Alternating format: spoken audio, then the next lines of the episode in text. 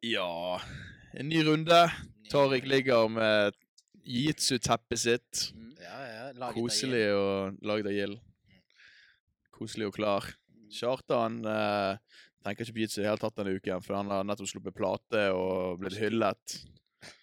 Fansen og groupiesene går ut av kontroll. Hvordan har du tid til oss? Det er faen meg så vidt. Så vi må bare keep it going. Og på uh... Du sitter i saccosekken, du, sånn som du skal. Oh, yeah. Oh yes. Ja, veldig bra. Ingen, ingen uh, gjester i dag. Nei. Nei, det er bare the Det er bare original oss. crew. Men vi tenkte jo at uh, Kanskje det blir en litt sånn konkurransepreik i dag, egentlig. Slags uh, recap på Lisboa-turen, må. Og litt forut. Ja. Om en uke så skal jo minstegutten her av gårde. Du er faktisk minst i rommet nå. Brasil. Tenk på det. Ja. Hva er greia? Du, du ser jo tynn ut. Ei, ei, unnskyld. jeg har uh, gått ned til eh, 77 kilo, Ja. så jeg, var jo egentlig 83 før jul nå. Mm. Så rolig så har jeg gått ned. Men uh, bare spist egentlig sunt. Ja. Tatt vekk all sjokoladen og alt det der. Uh, oh, det som frister. Men uh, ja, også litt mindre kalorier daglig. Ja. Uh, ja, jeg merker jo altså sånn Noen dager så hadde jeg jo ingen sånn energi i forhold til at jeg har så lite karbohydrater i kroppen, da. Mm. Men, uh, men så på en måte nå kan jeg balansere det ut ettersom at jeg ligger på vekt nå. Og du skal gå Det er no-gi, eller? Det er, det er gi. Så det er Ja. eh, heter det. Ja. Så det er lightweight Grand Prix. Og, um, og da må jeg veie inn 77 dagen før. Ja. Så uten Gina, så Så det er perfekt. Og en gang of killers Ja, i den divisjonen der. Jeg er jo, jeg er jo den eneste brunbelten. OK. Ja, er det blir så kult, det. bare svartbelter. Jeg håper de sover. Jeg håper de bare blir sånn Å ja, OK, brunbelte, whatever. Ja, ja. Yes. Så det er, eh, det er en del kule navn. Altså sånn eh, Nå var det jo Espen Mathisen som skulle dit. Men uh, han er skadet Ja. etter kampen sin med Lucas Barbosa. Ja. Og uh, da sendte han Tommy istedenfor. Så Det er Tom- ganske kult at det bare fungerer sånn. Aspen Espen bare tapper ut, og så går Tommy inn. Ja, Bare sånn De trenger jo en av vikingene, i hvert fall. Nå er, ikke, nå er ikke jeg blond nok til å telle som viking. No. Tommy, hva vektklasse er det han går i? Han går Middle. jo i middleweight. Ja. Men det Men, er jo Tariq òg, så han er jo Ja. Så det er ikke, det er ikke hver konkurranse jeg går ned til 77. Jeg merker jo også sånn i forhold til skader og sånn, så kom Altså, du er jo mye mer Altså Det er lett å påføre seg skader da, i trening hvis du er mye mindre. Du merker at på en måte for Ja. Kroppen din tåler mindre belastning generelt. Ja, for du har jo gått med en slags beskyttelse på foten ganske lenge, egentlig. Ikke så mye nå i det siste, men, eh, men før jul, ja, så måtte jeg ha den på en del. Det var for å bygge opp i forhold til eh, ligamenter og sånne ting. Det tar så lang tid. Ja. Fordi jeg hadde jo en skade i februar for, i fjor. Var ikke det den konkurransen som gjorde at du nå får gå denne? Det er det. Det var det. Så det tok lang tid. Og i forhold til at uh, For meg, da, bare å ha den på, så var det på en måte en sånn reminder. At Mm. jeg må passe på å ikke gjøre dumme ting med den foten. Ja, ja. Så det er liksom sånn. Så selv om ikke den der beskyttelsen er noe stram, eller noe sånt, så er den bare der, så gir det deg en tanke. Og så holder den varm, selvfølgelig, så det er jo greit. Man føler seg vel kanskje litt mer fragile når man går ned. Ja. Altså, Du føler deg ikke bra. Du er det. Ja. Du er jo mer fragile. Ikke, jeg tror jeg Ja. Altså, tingen er at jeg er ikke enig, fordi jeg gikk fra 110 til 100, så jeg føler meg fortsatt ikke liten. Ja, du har kanskje jo- ikke kommet ned til fragile. Det er liksom når du du merker at kroppen din får blåmerker eh, mer enn du pleide før, og liksom sånne ting. Altså, eh, alt på en måte bare verker mye lettere. Du blir også veldig fort kald, blant annet, når du er, går ned i vekt. Nå er jo jeg mye Altså, jeg har gått mye over, ned over lengre tid, så da føler jeg ikke den effekten så ekstrem. Men sånn som når jeg kuttet over to uker på Altså sikkert sånn fire kilo, da, så merket jeg også at jeg ble kald og måtte ha på meg tre lag med klær og sånne ting. Men, men sa du, er du der nå, der du skal være? Ja, ja. ja. Det er jo derfor jeg kan spise perfekt nå, liksom, også. kose meg med sumomaten min. Ja. Er fascinerende å følge med på Christian sin vekt. eh, Den prosessen som du hadde. før. Fascinerende. Ja. Fascinerende å se. Det var ganske det, var, det var imponerende. Iallfall for en sånn som meg, som aldri har vært med på noe sånt før. Jeg syns det òg var samtidig som Thomas til Daga hadde sin transformasjon, Ja. og så er det Christian sin Mm. transformasjon. Så det var mange som bare rundt meg bare raste ned i vekt og kom i støt. Jeg bare sånn Hæ? Hva er det som skjedde? Hva skjedde plutselig alle skam i støtet. Ja, Det er jo- min backklasse. Det vi kommer. Men hva er det du vil egentlig konkurrere i? Nei, altså nå er jo ikke mitt fokus på konkurransevekt. Eller nå vil jeg bare nå, nå, nå prøver jeg å bli så sterk som jeg kan bli. Så, og bli så, så god og så sterk som jeg kan bli akkurat uten å tenke på vekt. Og Mm. så kommer IBJJF-vektklasser og kommer konkurranser litt sånn i bakhånd. Og Mm. det, det er ikke der fokuset er. Jeg kommer ikke til å satse på det nå med alle disse småtikkene løpende rundt uansett. Nei. Så nå, nå får jeg bare treffe den vektklassen som jeg treffer i, og så, Mm. så får det være sånn. Har du kjøpt billetter til Barcelona? Ja. I Når er det? Det er Masters. 4. mai, tror jeg. 4. eller 5. mai. Og det er jo ikke lenge til her, da. Fett. Ja, det er jo en stund til. Ja, ja, det er en stund. Hvis du vil, så kan du signe opp nå, da, så kan du endre på vektklassen. Ja da, ja da. ja da. Og jeg kommer til å signe opp på kommer til å signe opp på uh, middleweight.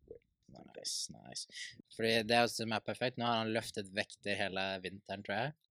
Ja, nå er det sikkert, sikkert, sikkert ni måneder eller sånn jeg har trent mye styrke og blitt mye sterkere. Sånn at jeg føler jeg Blant annet har jeg merket det de gangene Ja. jeg har gått med han.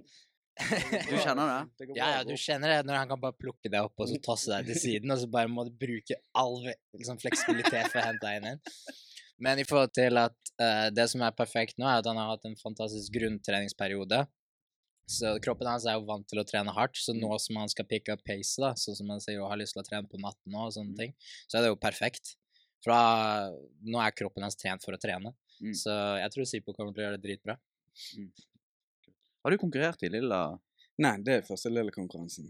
Så det blir Spennende. Det blir spennende. Mm.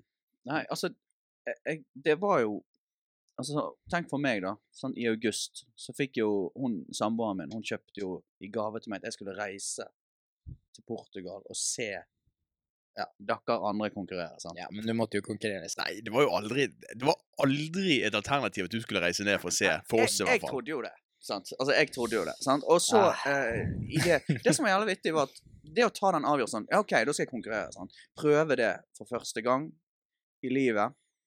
Det som var jævlig vittig, var at etterpå så kom angsten så voldsomt. For det er liksom hele den greien Sånn som bare det med vektklasse.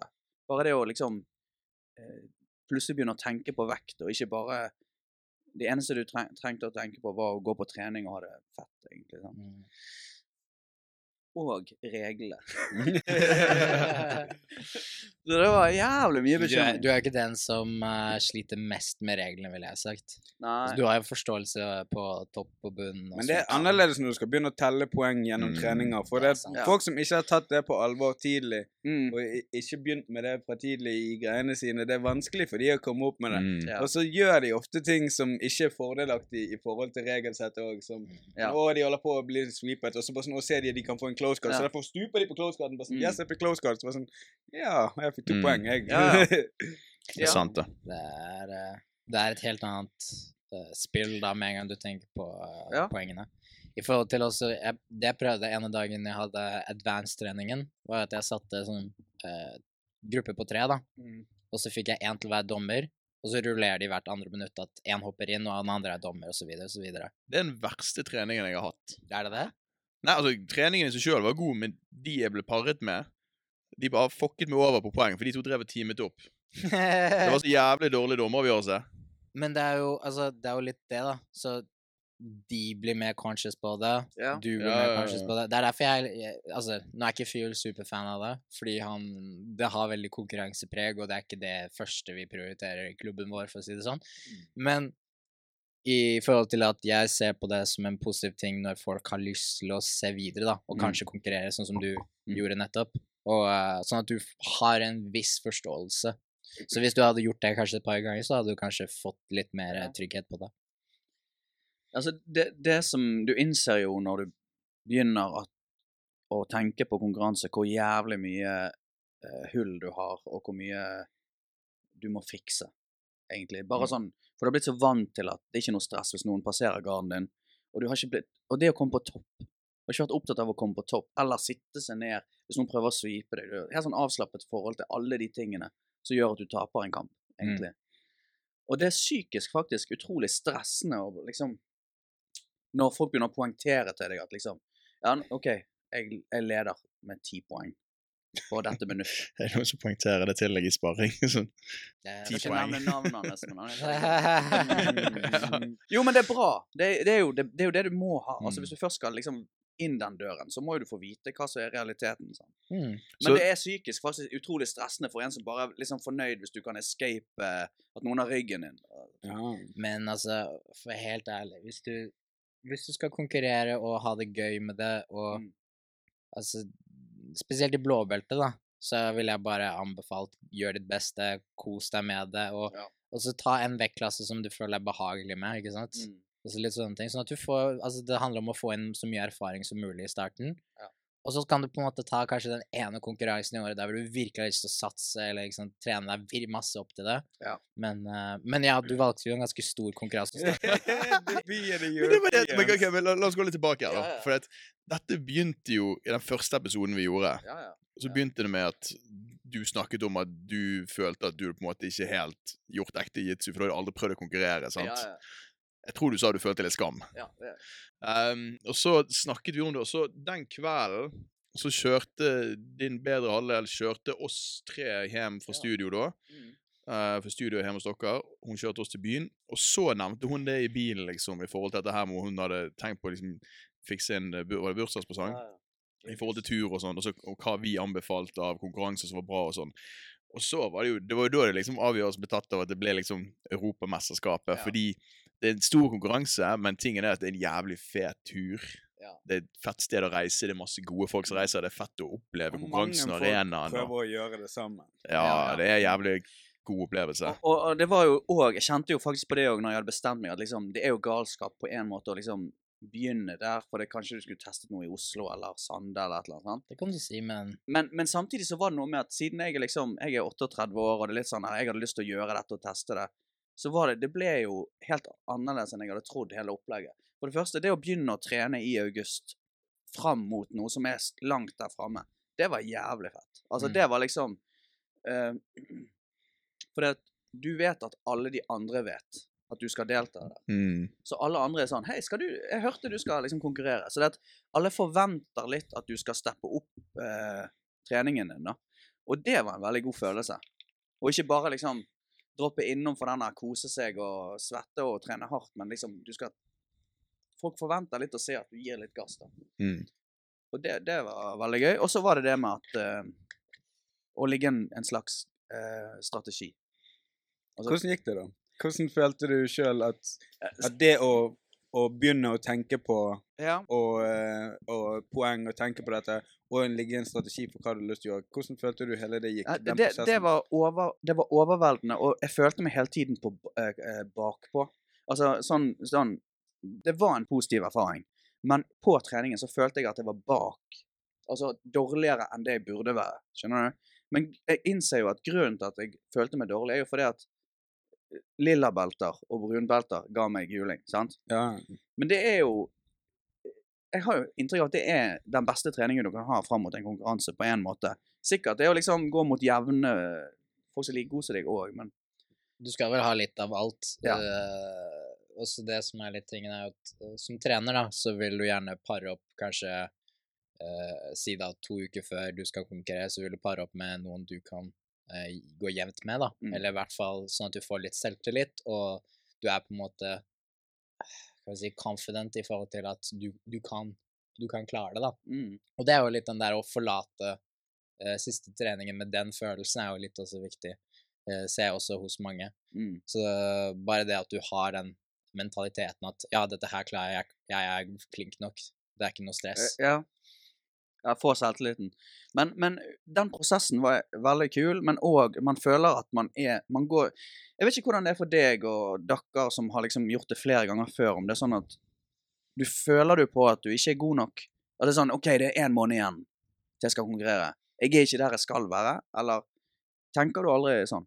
Du har jo altså, Det kan jo alt mulig kan skje. Ja. Altså, du kan bli syk, du kan eh, Ja, stress i livet. Plutselig så ja, sant, finner du ut at noe annet skjer, og halvparten av pengene dine har gått ut til det, eller ikke sant, sånne ting. Og det er så mye stressfaktorer, men det er jo hvordan du håndterer det, ikke sant? Mm. Og det er litt sånn som, ok, det, det er et par ganger jeg har vært syk en uke før konkurranse. Det er den verste måten å lade opp til konkurranse, ikke sant? Så det er liksom to Da dager føler du deg bakpå. To dager før så er du litt sånn OK, nå er jeg frisk igjen, men jeg føler meg fortsatt helt crap, egentlig. Ja. Men uh, fra det ståstedet, da, så må du bare tenke at OK, nå skal jeg gjøre mitt beste, Mm. uansett hva. Og ja, spille Men med det. men jeg husker jeg, uh, i garderoben sånn bare kanskje en måned før vi reiste et eller annet, så husker jeg du, Sipo, du sa uh, jeg tror, vet ikke om det var første gangen du reiste ut, eller hva, men du hadde liksom, det virker som du hadde en enorm selvtillit når du reiste på din første turnering i utlandet. At du, hadde, du, du reiste iallfall for å vinne. Ja, Europeans, ja. ja, Du ja. reiste ned for å kicke ass og vinne. Og da tenkte jeg sånn Hvorfor tenker ikke jeg sånn? Nei, jeg, jeg Men det, det er på en måte jeg, jeg har hatt en veldig tro på meg sjøl foran alle konkurranser. Og Ja. eh, den der nervebiten og, og på en måte tenke at jeg ikke skal få det til eller klare Det, det dukker aldri opp før altfor seint. Sånn at når det dukker opp, og den tvil dukker opp, så dukker det opp kanskje rett før jeg skal ut på matten. Eller rett når, idet jeg er, ligger bak to poeng, så begynner det å gå opp for meg. Bare sånn Oh shit, å tape er et eh, eh, et alternativ her. Sånn at jeg har Mm. på en måte ikke gått gjennom det, Mm. og ikke på en måte godtatt og akseptert disse følelsene på forhånd. Så plutselig er litt sånn overveldende. Så ser Ja. plutselig veien ut tilbake til seier så, så stor ut. på den Mm. jeg, jeg, jeg tror det er lurt å ha de, for, de følelsene i forhånd, og i hvert fall få truffet på de og sagt hallais. Ja, på en måte innsett. Men jeg, jeg, jeg går alltid inn med en følelse av at dette her er min dag, og Ja. jeg skal klasse disse folkene. Jeg skal vinne den medaljen. Men, men første gang du Din store konkurranse. Ja. Uh, hvordan gikk det, da? Vant du? Da, da røk jeg første kampen. Gjorde du det? Og det hadde aldri falt meg inn at jeg kunne tape første kampen. Jeg hadde, jeg hadde akkurat fått blåbeltet mitt før eh, jeg, jeg hadde fått blåbært en måned før, eller noe sånt som det der. Og På julegraderingen, ja. Jeg var kjempeglad, og jeg tenkte jeg, jeg hadde skikkelig lyst til å gå inn og vise meg med de blåbeltene, og følte Ja. at dette kom til å gå bra. Og eneste jeg var bekymret for, var i bracketsene så jeg hadde sånn syv kamper å vinne for, for gullet. Så jeg hele tiden stresset med disse syv kampene. Uff, det er så mange kamper. Uff, syv kamper! Det er latterlig mye. Hvordan skal jeg greie å gå syv kamper? Det var det jeg gikk rundt og bekymret meg for. Og så taper jeg første kampen. Dette er første turneringen jeg noensinne har tapt første kampen. Og så Jeg kunne ikke tro det, liksom. Jeg kunne ikke tro at det gikk an. Men hva var det som skjedde da? Tapte du bare på poeng, da, eller? Nei, han submitted meg, han karen. Først, eh, først ledet jeg, eh, ledet jeg eh, kampen, kom forbi, holdt på å passere han et par ganger, men klarte ikke å etablere side control noen gang. Og når jeg eh, og, og, når han, og så tror jeg jeg lå, for, jeg, lå, jeg, jeg lå opp to poeng og to advantages. Mm. Og så klarer han å sweepe meg. Og i panikken, så for å ikke godta sweepen, Ja. så prøver jeg å skubbe han karen ned. Jeg sitter meg opp og prøver å skubbe han ned igjen Okay. Og slenger armen fram på et sølvfat til han. Så han hopper på den armen og armbarer meg, og jeg eh, blir armbaret. Men jeg vrir og vender meg, kommer ut av den armbaren. Akkurat idet jeg greier å redde meg ut av armbaren, så er jeg inne i en triangle. Ja. Og så greier jeg å posture opp av triangle, og da vender oh. han, vrir han en sånn halvveis amerikaner på armen som han har prøvd å armbare tidligere, og da tapper jeg ut. ja, ja. Sånn at jeg burde jo tappet på armbaren, for jeg, var jo ute av trening en måned etter det med en Ok. ødelagt arm. men, Mm. men, uh, Så du men- var, men etterpå så var du skikkelig bummed out? Ja, ja, det, det, det, da, da hadde jeg røket på en smell som jeg ikke hadde forutsett. Ja. Jeg hadde ikke innsett at jeg, Altså, jeg gikk jo inn ned der for å vinne, det var én ting, men jeg hadde jo aldri blitt skikkelig sår hvis jeg ikke hadde vunnet, eller hvis Mm. jeg hadde på en måte prestert. Men da bare følte jeg at jeg, jeg fikk virkelig ikke vist meg fram på noe slags måte. Jeg tapte første kampen. Det var, jeg, jeg hadde ikke innsett at 50% av de som deltar i konkurranser, taper første kampen. Ja, det, det- hadde aldri gått inn sånn for meg. at det, det er jo faktisk halvparten av de som er med i en turnering, taper Ja. første kampen. Og nå var jeg plutselig en av de, og, og det var det, var- det var for seint for meg å begynne å tenke på det da. sant? Ja, ja. Så jeg, jo- jeg gikk rett i kjelleren. Ja. Ja. Du er et latterlig tall hvis du tenker på at det er nesten 4000 påmeldte på Europeans. Ja. At 2000 mennesker rykker ut første kampen. Ja. Og noen ganger så treffer du han kisen som skal vinne hele turneringen første kampen. Og da er jo Mm. den kampen du skal ja. Hvis ikke du han som skal Ja. vinne. Så, så sånn er jo det. Og, og det var en bra, det var en skikkelig bra lærepenge. Men samtidig så følte jeg at neste turneringen jeg var på, så hadde jeg ikke den samme selvtilliten når jeg gikk inn ja. i den. Jeg, jeg gikk ikke rundt og tvilte i god tid for, foran for den heller. Jeg Mm. følte fortsatt meg ganske bra. Men jeg hadde, jeg hadde, et helt annet forhold til det, og jeg skjønte at nå er det plutselig denne første kampen her som teller. Så Mm. tenk på denne syvende kampen du potensielt kanskje skal ha. Ikke tenk på den! Du har én kamp du skal fokusere på. Det er den kampen du skal gå nå.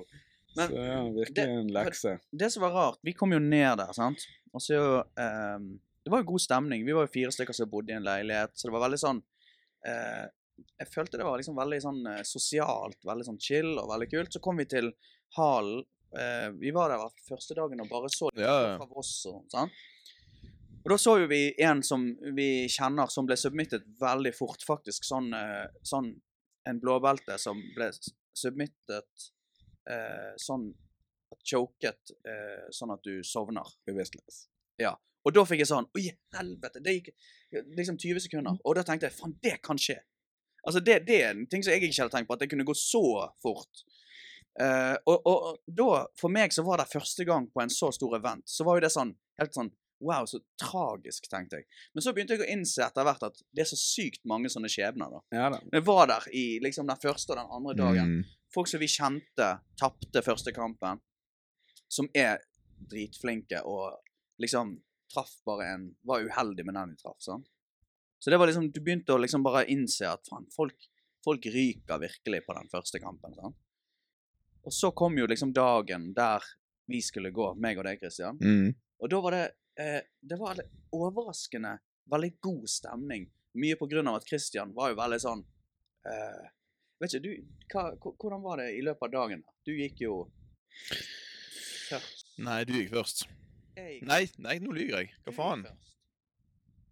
Ja, det faen jeg. Jo, jeg er først. Jo, stemmer det. Jeg er først. Så da satt jo vi en liten gjeng oppe på tribunen og så bare Christian rase gjennom den ene kjempen etter den andre. Så det var jo helt sånn utrolig god stemning, egentlig. Er det noe du vil kommentere når det gjelder denne måten du bare dominerte hele bracketen? La oss bare si at min innstilling til konkurransen er litt motsatt av Sipo sin. jeg er veldig Jeg ville bare vinne første kampen, mann. Det var liksom Jeg, jeg tapte Jeg røk på første kampen min. Var det samme år Nei, det var ikke samme år som deg. Det var året etter du reiste ned. Så røk jeg på første kampen, jeg òg. Og jeg var bare så jævlig Jeg var så jævlig redd Altså, for at det skulle skje igjen. Det som han sa i dagene før, det var Jeg håper jeg får til én ting. altså som en kul sweep, eller? Ja, ja, jeg ville bare ha en fet greie. Jeg ville bare Men i forhold til uh, altså uh, treningen til Europeans Ja, ja. Du følte jo at du gjorde jo veldig mye. Men vet du hva, jeg, jeg tror bare ting klaffet jævlig bra. Jeg tror det var jævlig gull at jeg For det var et litt tilfeldig. Jeg hadde egentlig ikke tenkt å løfte så mye vekter denne gangen, men så begynte jeg å løfte litt med deg. Mm. Og det hjalp jævlig på. Jeg følte meg jævlig solid. Eh, og så var det liksom Ja, så var liksom alt bare klaffet jævla bra. Så av en eller annen grunn så tilfe- eh, Etter du trente mye med Espen, og Espen var i Bergen, og vi gjorde jævlig mye Matrix og shit, sant, og så, så Det var bare mye som klaffet. Så fant jeg ut av faen, jeg puller jo gard med venstrefoten. Og da kan jeg sette opp Matrixen derfra, og så plutselig fant jeg ut av at uh, når de snur seg vekk og jeg ikke får han, faen, jeg kan pulle inn i 50-50 som jeg er jævlig glad i, og så bare skjedde det jævlig naturlig, Det er mye bedre på den, i den perioden i oppbyggingen til European. Ja, jeg sa det til deg flere ganger. Ja. Bare sånn Oi, nå begynner det å bli noe greier. Det var nå jævlig begynner det å fett, skje ass. noe greier. Begynner Det- å bli et problem. Nei, det var jævlig kult. Men du, du, du så liksom ganske raskt at du beveget deg litt annerledes enn de andre. Du har et mye guttene. kulere game enn de store folkene. Ja. Du spiller et mye Du spiller et mye en mindre person sitt game. Ja. Og det var veldig morsomt å se i den konkurransen når de store folka de, forventet ikke at det der skulle komme fra deg. Det var, det var, for det var et par ganske fete situasjoner der som jeg kommer til å huske veldig godt veldig lenge. Og det er mye fordi du, Kjartan, hjalp meg med det, fordi det var et par ting. Og det var en av de jævlig morsomme tingene. Det var når meg og deg drev og varmet opp. Um, så gjorde vi bare, vi bare mye bevegelse. Jeg, jeg var veldig fokus på at jeg skal liksom svette litt før jeg går ut. sånn at Jeg vil være varm i kroppen og jeg kan på meg genseren ut på gien og liksom være varm og våt. Og så ehm, og så har vi gjort mye sånne basics og ting og sånn, og så blir det sånn, men jeg vil bare fortsette å bevege meg litt til. Og så begynner jeg å drille beremboloer i oppvarmingsområdet. Og så, Jeg tenker ikke over det i det hele tatt før Charter forteller meg på kvelden senere. Faen meg, alle sto og så på. Når liksom, Ja, det bare la merke til de andre sto bare sånn Hvorfor driver han store duden Det var litt sånn flyttaker. Han store med afro driver og bare Nei, så, så, da, så det var, det var Jeg tror det var mye med det gamet, fordi um, det, det er ikke sånn som jeg tenker på når jeg går kampene, for da er jeg så jævlig fokusert. Men etter siste kampen så snakket jeg med alle sammen som jeg gikk mot. For jeg møtte de igjen alle sammen borte med podiet. Så hadde jeg pratet med dem. Uh, to av de var franske. Og uh, jævlig hyggelige folk. Um, og han som jeg gikk mot i finalen eh, For det var en jævlig, det var en jævlig rolig kamp, egentlig. Det var ganske det, det var egentlig bare guardpull til close guard, og så jeg hadde han i close guard, og så ble vi værende der hele kampen, egentlig. Um, og så fant jeg ut etterpå, for du fortalte meg at han hadde stått og sett på semien min. Og han fortalte meg at han hadde sett at jeg drev og inverted gikk for beina til folk. Så han sa til etterpå at han hadde ikke lyst til å reise seg i det hele tatt når han var inne i garden min. Så i løpet av de fem minuttene så prøvde han å reise seg to ganger. Meg jeg begynte å bevege meg, så satte han seg ned igjen. Og det var liksom bare det som var kampen. Men det er jo all creds to Espen som var her og viste oss dette greiene, og til Tariq som driver og følger oss opp på det. Nei, og... nei, det er jo ikke det. Det er jo mange svære folk som blir vist mange kule teknikker hele tiden, men det er jo creds til deg for at du bruker det, og bruner opp Ja, ja, Jo. kroppen din til å gjøre det. Alle har jo tilgang til alle disse teknikkene, men det er jo du som velger å gjøre det, og gå utenfor komfortsonen og lære deg å gjøre fete ting, og klasse folk som er store. Det var jævlig fett. Hvis ikke vi det. Men det finnes jo et bilde av når du Var det når du vant finalen, når du står bare Det er et foto. Jeg Du vet faen hvilken det var. sånn Hva skjedde? Jeg stresset så jævlig, for jeg visste jeg hadde vunnet. Ja. For at det var det var 0-0 hele veien til det var Jeg tror det var 15 sekunder igjen, så var det 0-0. Eh, og så tenkte jeg hvis jeg bare, hvis jeg bare får låst en submission av en eller annen type og Selv om jeg ikke klarer fullform, hvis jeg bare får satt opp en submission og bare lager et grimas og et ansikt så dommere ser til sus som jeg prøver på noe, så tenker jeg kanskje jeg får en advantage etter tiden går ut. Og så smekket jeg på en triangle og bare lagde et stygt ansikt. Jeg, jeg presset jo som bare faen, da, sant? men bare sånn for å liksom vise det. Og så gikk tiden, og så ga han meg advantagen, og visste jeg hadde vunnet. Men jeg stresset så jævlig helt da han løftet hånden min. Jeg kjente bare Hva hvis scoreboarden er feil? Hva hvis? Ja, ja, ja. Så helt til jeg, jeg husker jeg bare gikk frem og tilbake på matten helt til jeg fikk liksom denne avgjørelsen. Uh, Ja, det var en fornøyelse å være vitne til. ja, det var kult, det. Men det var, men det var jo det, altså, Så var det jo Da var jeg på en måte ferdig med mitt, følte jeg, og da var jeg fornøyd. Så husker jeg, faen, jeg hadde ikke tid til å skifte den lokk engang, for da var jo du i gang. Rett etterpå. Og det må jeg bare si, det som er rart med denne tilstanden, for vi var jo flere dager og så folk vi kjente, sant. Så du kommer inn i en sånn, en sånn tilstand hvor du føler at dette er det viktigste i hele verden. Altså sånn, det, det er rart. Men, men jeg gikk rundt og følte at dette som vi er med på nå, dette er det, det er litt sånn som når du spiller i band på en eller annen bule i Tyskland foran 57 stykker, så er det sånn det er sånn Helvete, vi må ikke fucke opp i det. Det er sånn Hvem faen bryr seg? Det er liksom Det er ikke noe big deal, egentlig, men når du er oppi det, så føles det som det viktigste i hele verden. Og sånn, den, den Mm. innstillingen hadde vi. Og i tillegg at vi hadde bodd sammen i flere dager Ja, og sett masse kamper. Vi bodde, jo, vi bodde jo sammen med to andre gutter, Ronny og, og Jonas, Ja. og det var jævlig fin gjeng. Det var jævlig god stemning. Det var mye Så, så når, når vi begynte å varme opp, så var jo du veldig støttende. Du, altså, Christian var sånn, han var så jævlig positiv og ga meg masse selvtillit. sant? Og det som, det som jeg ikke hadde trodd skulle skje, det var at jeg gikk inn Når du går inn og veier deg og komme inn i den der innhegningen, da, så, så hadde jeg kjempegod Jeg hadde veldig god følelse. Sånn at jeg oppriktig gledet meg. Og så så jeg liksom alle jeg kjente sto der oppe. Eh, Og så tenkte jeg bare eh, Det her blir jo dødsfett. Jeg var på en veldig bra plass. mm. Så da, hadde, da var jeg ikke nervøs. Og så ser jeg på den her at han duden som jeg skal gå mot, han sto som at han ikke hadde dukket opp. Ja. Helt til liksom Han rakk det akkurat, da. Og der kom han. Så ser jeg han, så tenker jeg Skal jeg gå mot deg? Han var jo en jævlig høy så meget veltrent ut. Så meget bra ut, må jeg bare si. Si, fortell meg, si hva han så ut som. Han synes en kjekk eiendomsmegler. Så jeg tenkte han har tingene sine på stell. Men så tenkte jeg òg, oppriktig, at jeg har jo sparret med høye folk, altså lange folk, tunge folk, altså whatever. Det, det kommer til å gå bra. Jeg, jeg brydde meg så mye om det. Så gikk vi bort, og så var det jævlig fett, for Fivel var i meg og bare sa sånn Du, bare, bare gi gass og liksom Ikke nøl. Det er det eneste jeg vil, at ikke nøl i starten. Så jeg var kun fiksert på å ikke nøle. Jeg ville pulle gard med en gang. Helt sånn jage etter å pulle gard. Mm. Sant? Og det som overrasket meg når vi begynte, det var at jeg gjorde det. Altså, det, det, det var jeg sjøl. Sånn, mm. wow, jeg gjorde det. Så jeg pullet gard, og så tror jeg han gjorde det veldig Ja, Hva klasse gikk du i? 88. Ja, ok, Det er jo gjennom medium heavy. Ja. ja. For dere, dere gikk jo rett inn i dobbel gardpull. Ja, det var det som skjedde. Han var en sånn lang dude som ville pulle gard. sant? Uh, så jeg gjorde bare det det jeg hadde planlagt. Og det, det er så vittig, for jeg har snakket med så mange opp gjennom i flere år som sier sånn Ja, jeg hadde jo egentlig en strategi, jeg hadde en plan, men jeg følte jo ikke den i det hele tatt, for jeg blacket ut eller et eller annet. sant? Og det overrasket meg der og da. Sånn Faen, jeg gjorde det! Og så, La oss si at det har gått 15 sekunder, da. Der eh, vi begge pullet gard, og jeg kom opp. Og så, etter sånn 15-20 sekunder, så kjenner jeg Faen, dette blir stress. jeg kjente bare Dette kjennes ikke ut som sånn som jeg har trent. Det er akkurat det tenkte jeg. Dette kjennes ikke ut som enten jeg fikk juling av flinke folk, eller jeg gikk med ivrige hvitbelter som spæser. Dette kjennes ut som noe helt annet. Det var det jeg tenkte. Og det som sjokkerte meg mest, det var hvor jævlig stivt det var. Ja. Altså, det var liksom Det var som om noen har bare tatt en eh, og bare surret deg inn i kjetting. Ja, det er akkurat som å få sement i giren. Mm. Alle er er bare sykt. låst fast. Det er hver posisjon du kommer i, folk bare Mm. Så jeg var vel i en slags Mye adrenalin. Ja, Ja, Ah, adrenalin hos begge to, og han var uh, Dette visste jo Christian.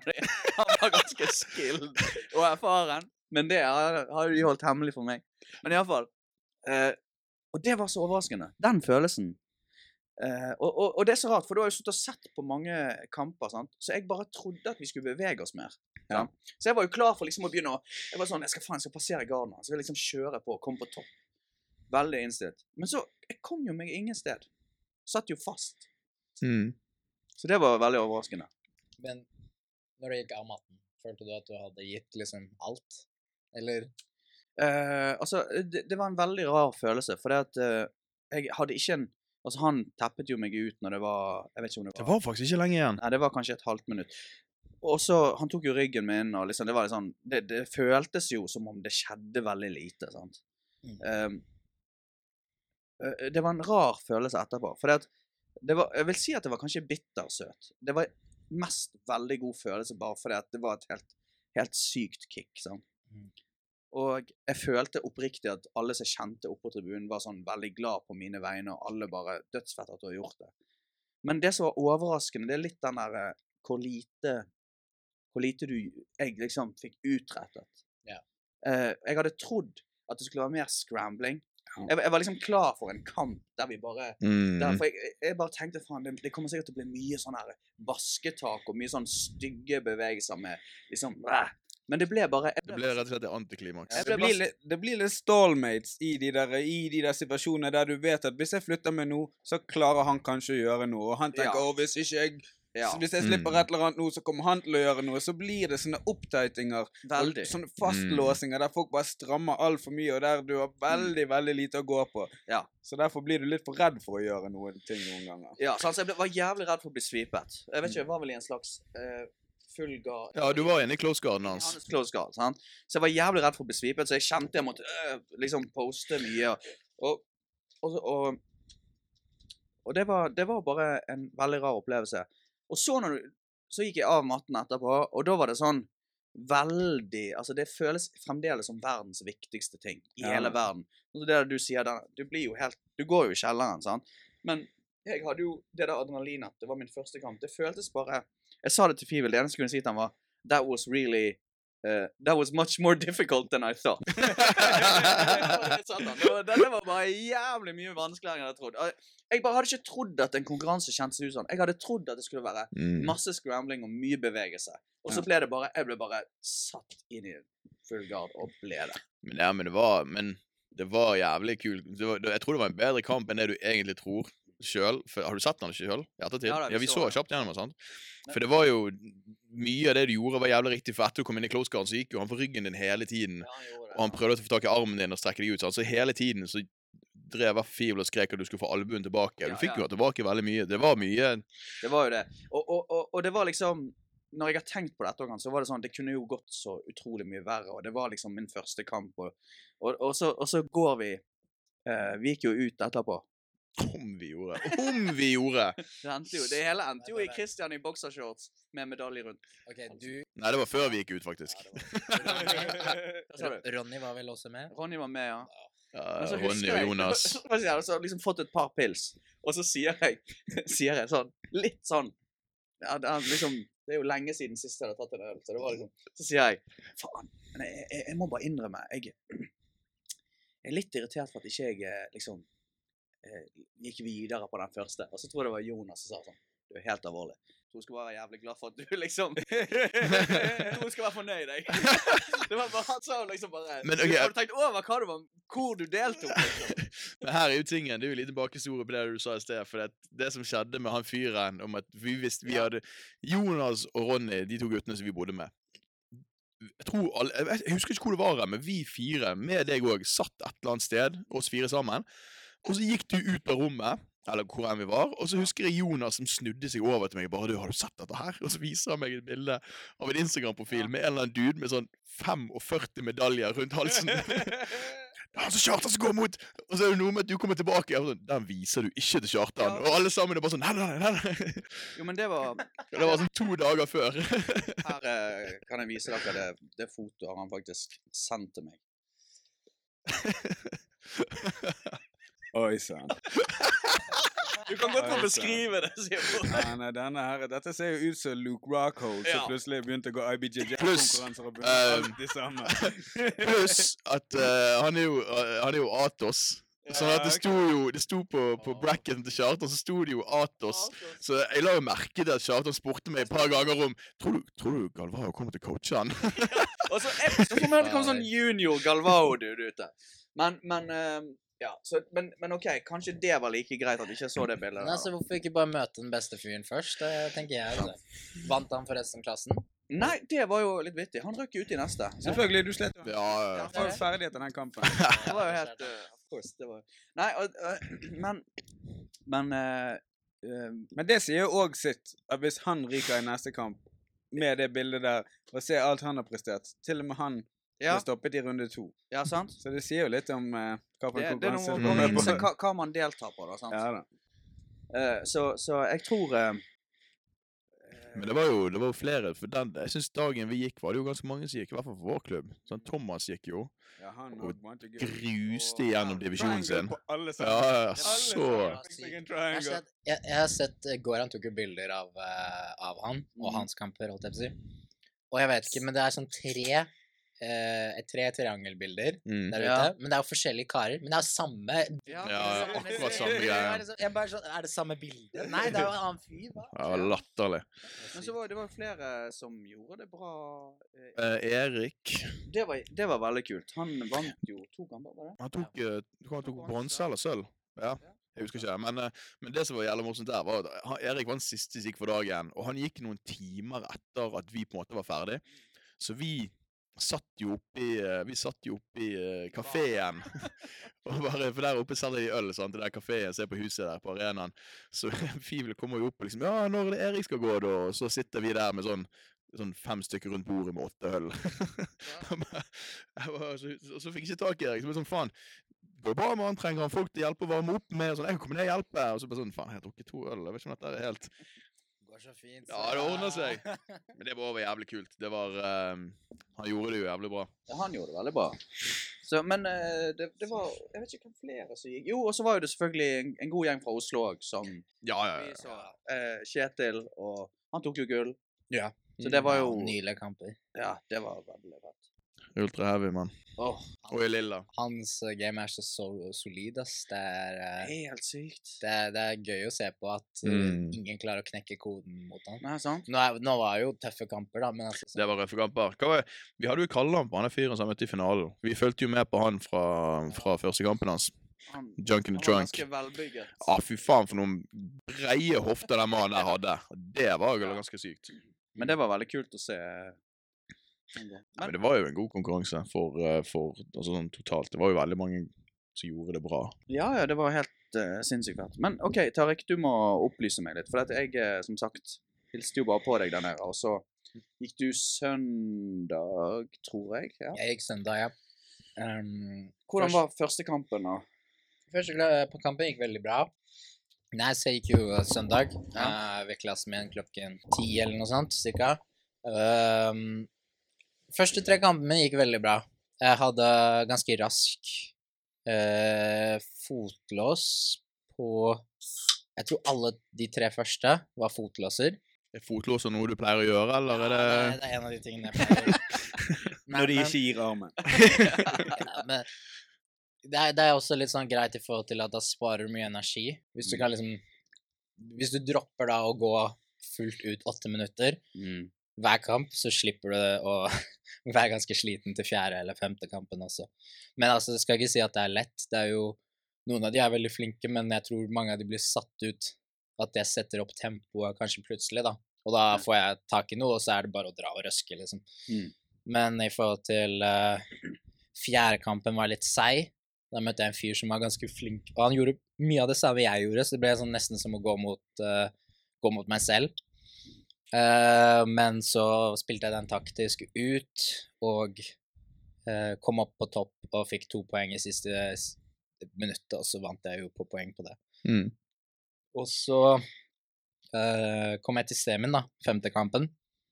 Da tapte jeg mot en fyr som heter Lucas, fra Allian Alliance. Um, Brasil brasilianer.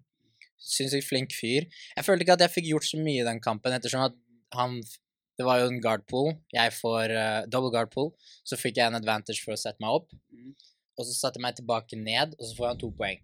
Noe som er helt greit for meg, for jeg tenker ok, jeg har en advantage, og hvis det er en ting jeg legger merke til med alle kampene mine, så pleier jeg å alltid ha ganske mange advantages på lager. Så det, Mm. det er aldri noe problem å på en måte vinne på advantages. Så for min del så var det litt sånn ok, spill, spill, spill, og så kan jeg få to poeng senere. Mm. Og når vi ligger 2-2, så har jeg fortsatt leder, altså da leder jeg med advantages. Mm. Som var planen min. Ja. Men, eh, men det som var veldig kult å se, måten han var på topp, var Han truet litt med passeringer, men han var aldri så mye Han prøvde aldri å passere så mye at han risikerte noe, på en måte. Og dermed så Han fikk aldri eh, passivitet, og Mm. til en viss grad Han var aldri sånn sett passiv, passiv, men jeg følte meg aldri truet. Men samtidig så fikk jeg aldri sweepet han heller. Nei. Og så selvfølgelig, jeg hadde jo noen tidspunkter der jeg kunne gått for Altså, jeg var i en single leg X, altså rundt foten hans, kunne jeg gjerne kanskje gått for heller en sweep enn å prøve å gå for fotlåsen. Mm. Så det er jo ting jeg tar med meg videre og uh, ser at jeg må uh, forbedre, da, i forhold til mer det taktiske. Mm. For det endte jo opp at han bare ble på topp, ikke sant, og så Ja. gikk tiden ut. Hadde du dårlig feeling etter det, eller var det litt sånn OK? Det var altså Jeg kan, følte meg kanskje litt irritabel i forhold til at jeg tenkte ah, jeg kunne ha gjort det bedre. Jeg følte at jeg hadde mer i meg. Ja. Så derfor var jeg litt sånn der ah, det, var, det var teit å tape sånn. Jeg lov å si at jeg var irritert. Ja. På hans vegne, ja.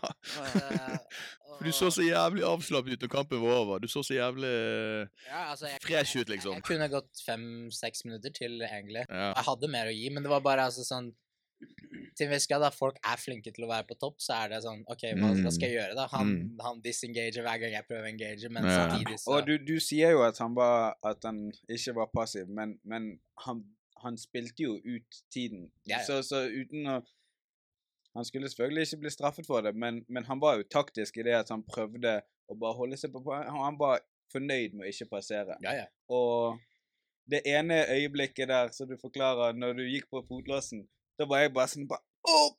Opp! opp. Men jeg skjønner godt at du gikk på fotlåsen når det har funket på Ja. tre stykker tidligere. Den turneringen. Da skjønner jeg at det Ja, ja. Du det blir litt sånn blod... Uh, Ja, det skjønner jeg veldig, veldig godt at du går for den. altså. Men, men. Nei, altså så Så det, den du tapte der, det endte i bronse. Ja, der fikk jeg bronse. Mm. Uh, og så går jo han Lucas videre, og så møter han Jonatas Gracie, som jeg har møtt to ganger før. Og tapt Din mot. nemesis. Min nemesis. Men Ja. han vant jo mot han. Ja. Så det er jo kult.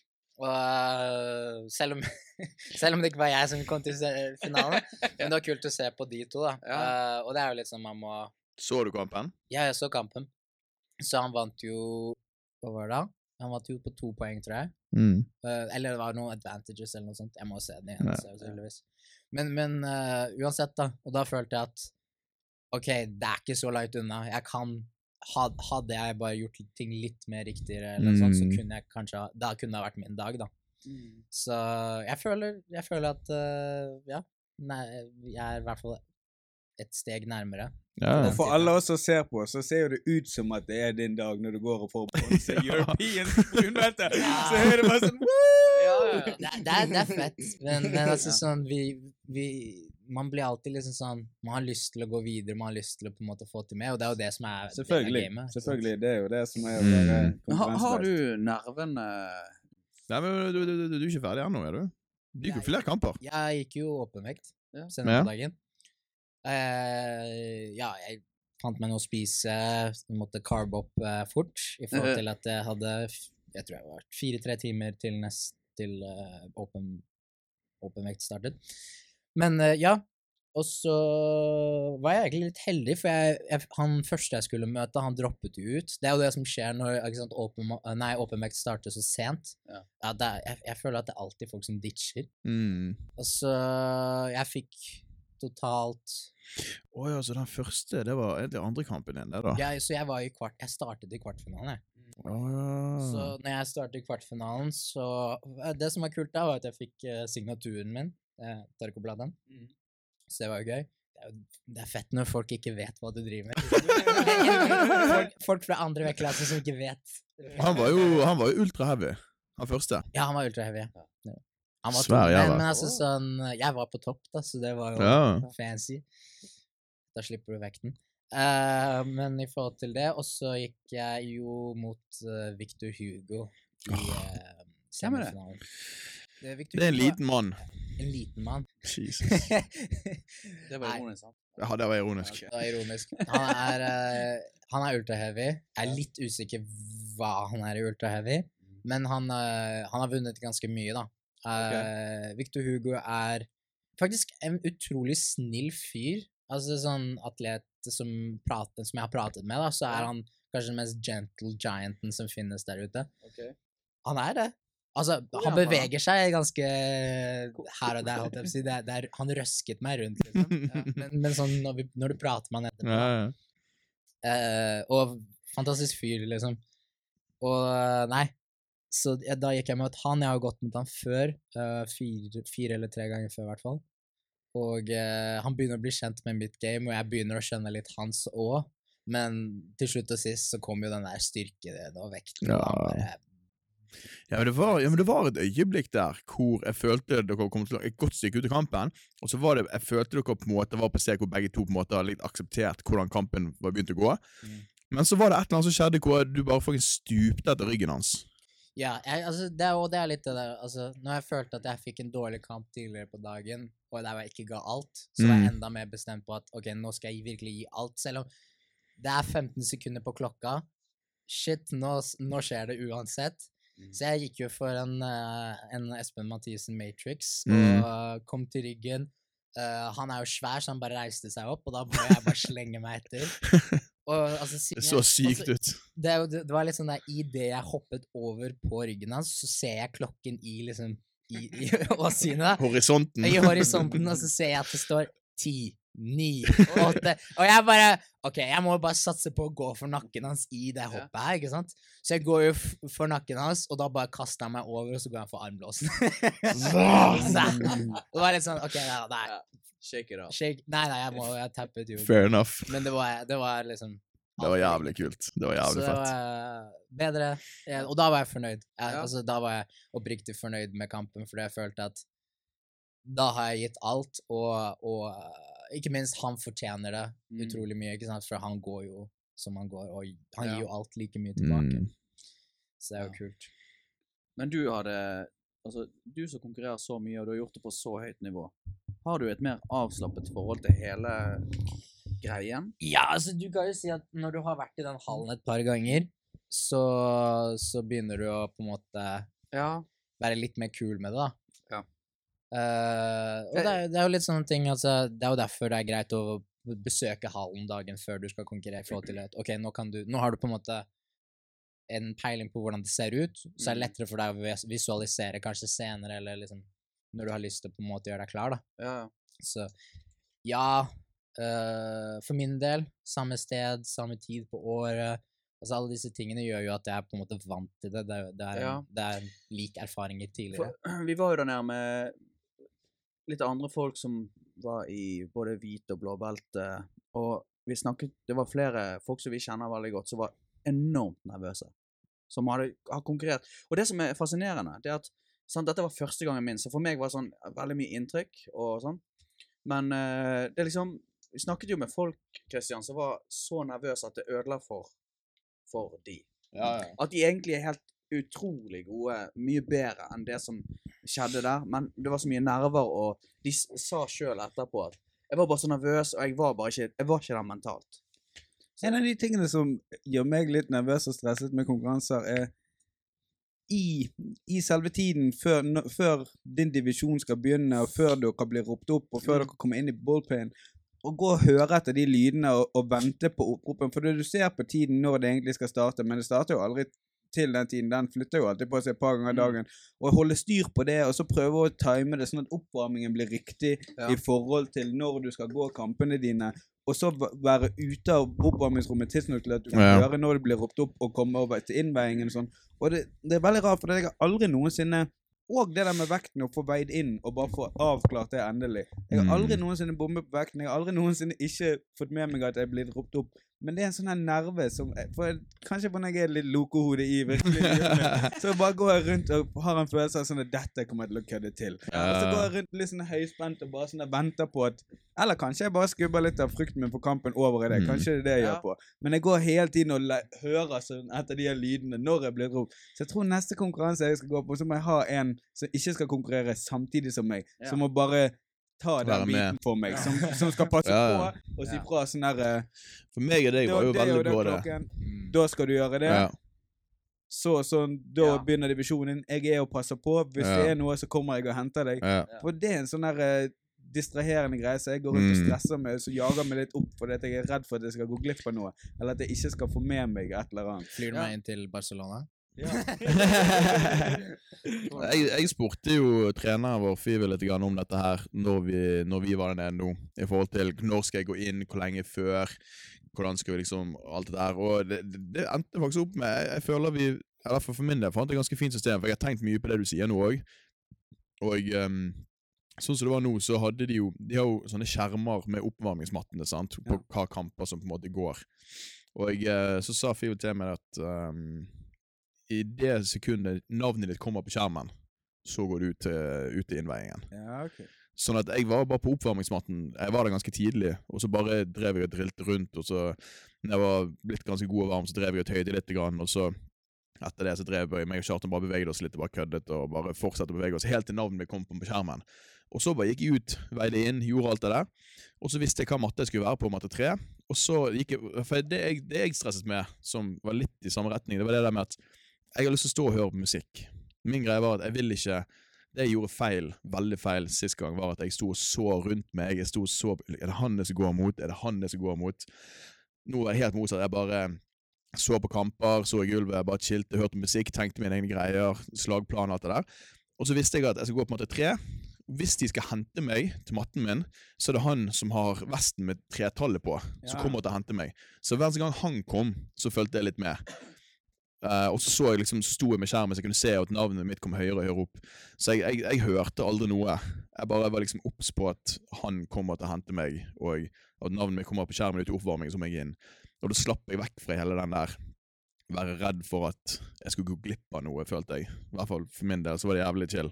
Mm. For jeg, jeg, var litt, jeg var litt redd for den der Faen, tenk hvis jeg står og hører på musikk av det jævlig fett, og så bare går kampen forbi meg. For jeg har Eh, hørt det så mange ganger. Folk blir ropt opp. Tredje gangen de blir ropt ja. Så bare sånn OK, nå er du diskvalifisert. Så bare sånn Nei. Nei. Jeg vil ikke være han noensinne. Men det skjer vel ikke hvis du har veid inn? Det skjer vel ikke det før? Helt sikkert. Ja. Helt sikkert. Ja. Hvis du først har veid inn, så skal du mye før de ja. Men, men eh, Det var forresten eller, første kampen min. Når han fyren kom og skulle hente oss For jeg har ikke anelse hvem som går mot. Jeg sto bare helt med den greia. Jeg sto og hørte på Skambank og hadde det jævlig fett og bare sto og liksom fokuserte. Og så kommer han der fyren. Så jeg har sett meg ut hvem han er, så jeg vet at når han kommer, så skal jeg følge litt med. Så kommer han bort, ser han der, så ser han på skjermen, så ser jeg navnet mitt er nest øverst. Og så snakker han med en eller annen fyr, og så peker han andre fyren på meg. og så legger jeg bare til ah, han har stått og studert. Men, men det som er uh jeg tenkte på, var den der eh, anspentheten. Den der den der, Altså eh, Det å være helt sånn stiv og nervøs og det. Er det sånn at For det, når, når jeg gikk kampen Jeg ble jo som sagt overrasket over hvor jævlig stivt det var. sånn. Men det er sånn at når du, Tariq, når du møter folk, og når man kommer opp i liksom lilla og brunt, så er det sånn at dere har en slags understanding at denne kampen, så, så er vi altså For det, det er akkurat så så det på svartbelten òg. Det er akkurat så det, det er litt mer chill, på en måte. Mm, Eller, eller bare ser det sånn ut? Det er jo det, men, men fordi at folk, folk vet og er mye mer strategisk med når de stiver til. ja. Og så, så på en måte hvis, hvis en kar kommer til en litt fordelaktig posisjon på deg, så stiver han gjerne til. Og- Selv om, selv om han er flink, så Ja. stiver han til, og så tvinger han deg til å jobbe. Så må du jobbe hardt jobbe hardt for å komme ut av det, eller for å gjøre noe. Mm. Og så prøver han kanskje å benytte det til å, til å få passert, eller gjøre det han Ja. vil. Sånn. sånn at det er mye mer den der stive til-greien i konkurranse uansett. Ja. Men jo flinkere du er, jo mer bruker du det på riktig tidspunkt, og Ja, ikke altså- hele tiden. Og det begynner ikke hvitbeltene, da er jo det bare stivt alt. Mm. Da er det stivt fra første grepet på Ja. Ja, Og så etter hvert så avtar det til at Men det er jo fortsatt ikke i nærheten av sånn som å konkurrere på Nei, å, å rulle på matten. For der er jo alt bare løst. Så Ja, ja. avslappet. Utenom det. Ja, men det- Ja, men det bare ser mer chill Det er, det sånn, det er nesten sånn, det er sånn Vi er enige om at vi starter rolig, og så eskalerer det. Nei, altså, du, du har jo sånn uh, De som grep, griper for harde livet i starten av runden. Og da er det gjerne sånn du, du du får på, altså Si at du puller guard, da, Mm. og så øh, Jeg liker å spille Del Hiva, reverse Del Hiva, og så kommer jeg inn i den posisjonen, og så merker jeg at han bare låser seg sammen. Og så er jeg litt sånn OK, vi får se hvor lenge du varer. Ja, men det det, nå sånn- snakker du på brunbelte òg, liksom. Ja, ja, ja. Ja, Og, lett, og, det, og det er litt sånn, OK, han kan låse seg opp. Uh, stort sett så prøver jeg å jobbe bare uten appell, og så begynner jeg å jobbe mitt game derfra. Mm. Men, men uh, veldig ofte så må jeg vente litt, da. Jeg merker at OK, han kan holde, han kan holde den posisjonen i et par sekunder, men etter hvert så blir han litt mer loose. Fordi han ikke kan holde så statisk, da. Ja, ja. Og, og det er jo litt det at jeg vinner jo på at jeg er litt mer eh, relaxed over lengre Altså i starten. Ja. Men uh... Jeg vet ikke, eh, Vi så jo uh, Fivel gå, og vi så jo Teta gå, og det var Jeg må jo bare si det var jo helt utrolig fett å se hele svartbeltet når de, når de begynte, og det var utrolig fett å se Fivel gå kamp. Uh, men jeg ble overrasket over Det ser så chill ut. Altså, det ser bare ut som de Det er nesten sånn Det er akkurat så eh, Det ser ut som de kjenner hverandre. Selv om de sikkert ikke gjør det. Du har sikkert gått både mot uh, folk du kjenner og ikke. Men det er akkurat som det bare er sånn Det ser ut som man har en sånn agreement om at vi åpner ikke hardt. Men du kan se hvor våt de er svette når kampen er ferdig. Så ser du de har gjort Altså, sitt. ass. du, du, det eksploderer ganske fort, da. Sant? Altså, Og det er jo litt det der at noen av de beste folka jeg har trent med, de er veldig flinke til å endre tempo. Ikke sant? De, de er litt sånn uh, pacemaker i forhold til at de uh, Først og fremst ja? Hvis du er i en dårlig posisjon, så stresser du uansett. Ja. Men hvis, hvis du på en måte har din fordel, og du ligger egentlig godt an, så stresser du ikke så mye, for du venter egentlig bare litt på at han andre skal gjøre litt feil. Ja, ja. Så, så det er litt sånn kvelersange at du kommer tettere og tettere på, Mm. men du, du stresser ikke så mye med å få mer, du er ikke så grådig, ja. fordi da egentlig stort sett, hvis du er, blir for grådig, så mister du litt av den fordelen du har, da. Ja, ja. Og det er jo litt det der at du, du ser det mer og mer hos svartbelter, at de, de jobber for de små vinklene, for disse små mikrodetaljene som på en måte gjør at gamet blir teitere hele veien, da. Mm.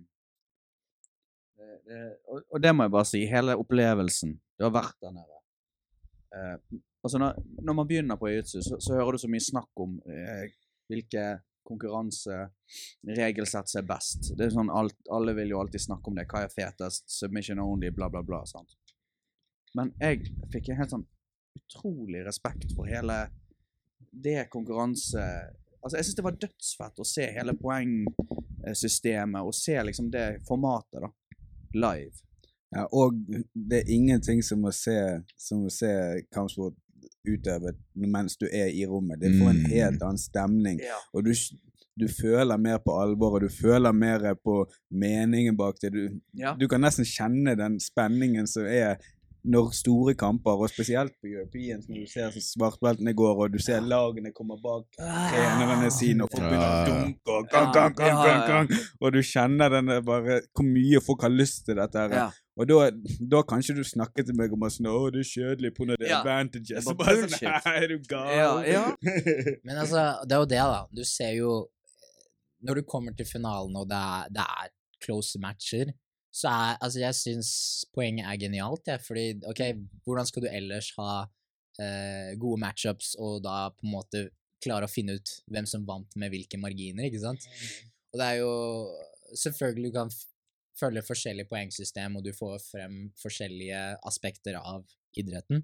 Men i forhold til at uh, sånn som den her er da, i BJDF, så føler jeg at stort sett så er det de beste som vinner hver gang. Du kan si alt du vil om at ok, han vant ikke på submission alle kampene sine, som det viser liksom full dominanse, da. Men likevel, det, stort sett så er det den beste fyren som vinner med Det er den som har fått viljen sin gjennom. Yeah. Det er det, sant. Jeg jeg vet ikke, jeg bare fikk Det er noe med Det er lett å sitte og mene noe og se på YouTube og se på datamaskinen din og mene ting om disse tingene, men når du er der i i salen, så bare innser du hvor enormt fett det der er. Og, og, det, og jeg tenkte aldri over dette med ståling. Tenkte aldri over at, at det var et problem, da, for det er jo ofte en sånn debatting, som det med ståling. Folk snakker om det. Men jeg syns bare det var helt enormt fett å se.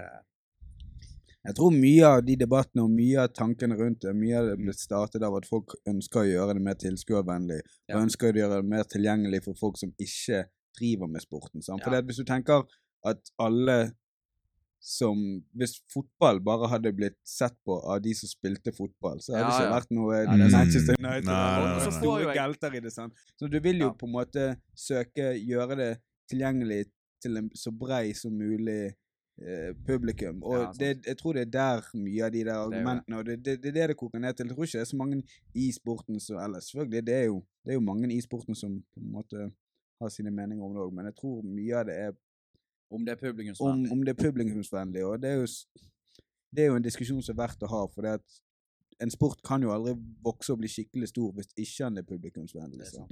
Ja, og det var jo en tankevekker, for vi var jo der nede, og uh, en som vi kjenner, gikk jo en kamp, og uh, samboeren hans satt uh, Damen satt på Ja, ja, ja. tribunen, og, og han tapte, men hun satt jo der og bare tenkte Jeg aner ikke om han taper. Mm. Så det sier jo litt om hvordan det er, sant? Ja, Julie og, Amanda var jo med meg på forrige Europeans, og de satt jo på tribunen og måtte bli fortalt av eh, Åh? av lagmedlemmene Ah. hvem som For det første som skjer i første kampen, jeg går ut og puller gard, og så ligger jeg under. Og Ja. de ser jo på meg ligge under der på bunnen og bare sånn Nei, holder han på å tape nå? Så, nei, nei, nei, han har lyst til å være der. Det er jo litt sånn, ikke sant, du må ha eh, en kommenta kommentator da, som forklarer situasjonen, spesielt i begynnelsen når det, når det er en Det er jo en Det er en sport som krever en del opplysning. Ja, ja, det det. Det er kompleks Ja. eh, idrett, og det er jo også Det er ikke bare å si at ok, nå kommer ballen nesten i mål, og der. Det er, det er litt mer å si ok, hva intensjonene til hver spiller er. Du ser at ikke sant? Det er ikke alltid som kommentator at du ser engang hva han ene setter opp. Du, du, du har kanskje ikke kunnskapen om det, ikke sant? Mm. Ja. Så det er jo det er veldig komplekst. Er. Men i forhold til at um, jeg tror akkurat sånn som sjakk, for eksempel. Et par år siden så tror jeg ikke det var en sånn kjempeunderholdende idrett å se på eh, for altså sånn norske publikum, da. Men uh, rett etter at uh, Magnus Carlsen på en måte vant et par titler og sånne ting, så kom det en svær bølge der hvor alle lærte seg sjakk. Og nå kan hvem som helst nesten se på sjakk og forstå det, da. Så det er jo altså Hvordan det skjer, det, det kommer helt an på, da. Men det er spesielt med jiu-jitsu det at det er som du sier, at det er folk som driver med det, som ser på det.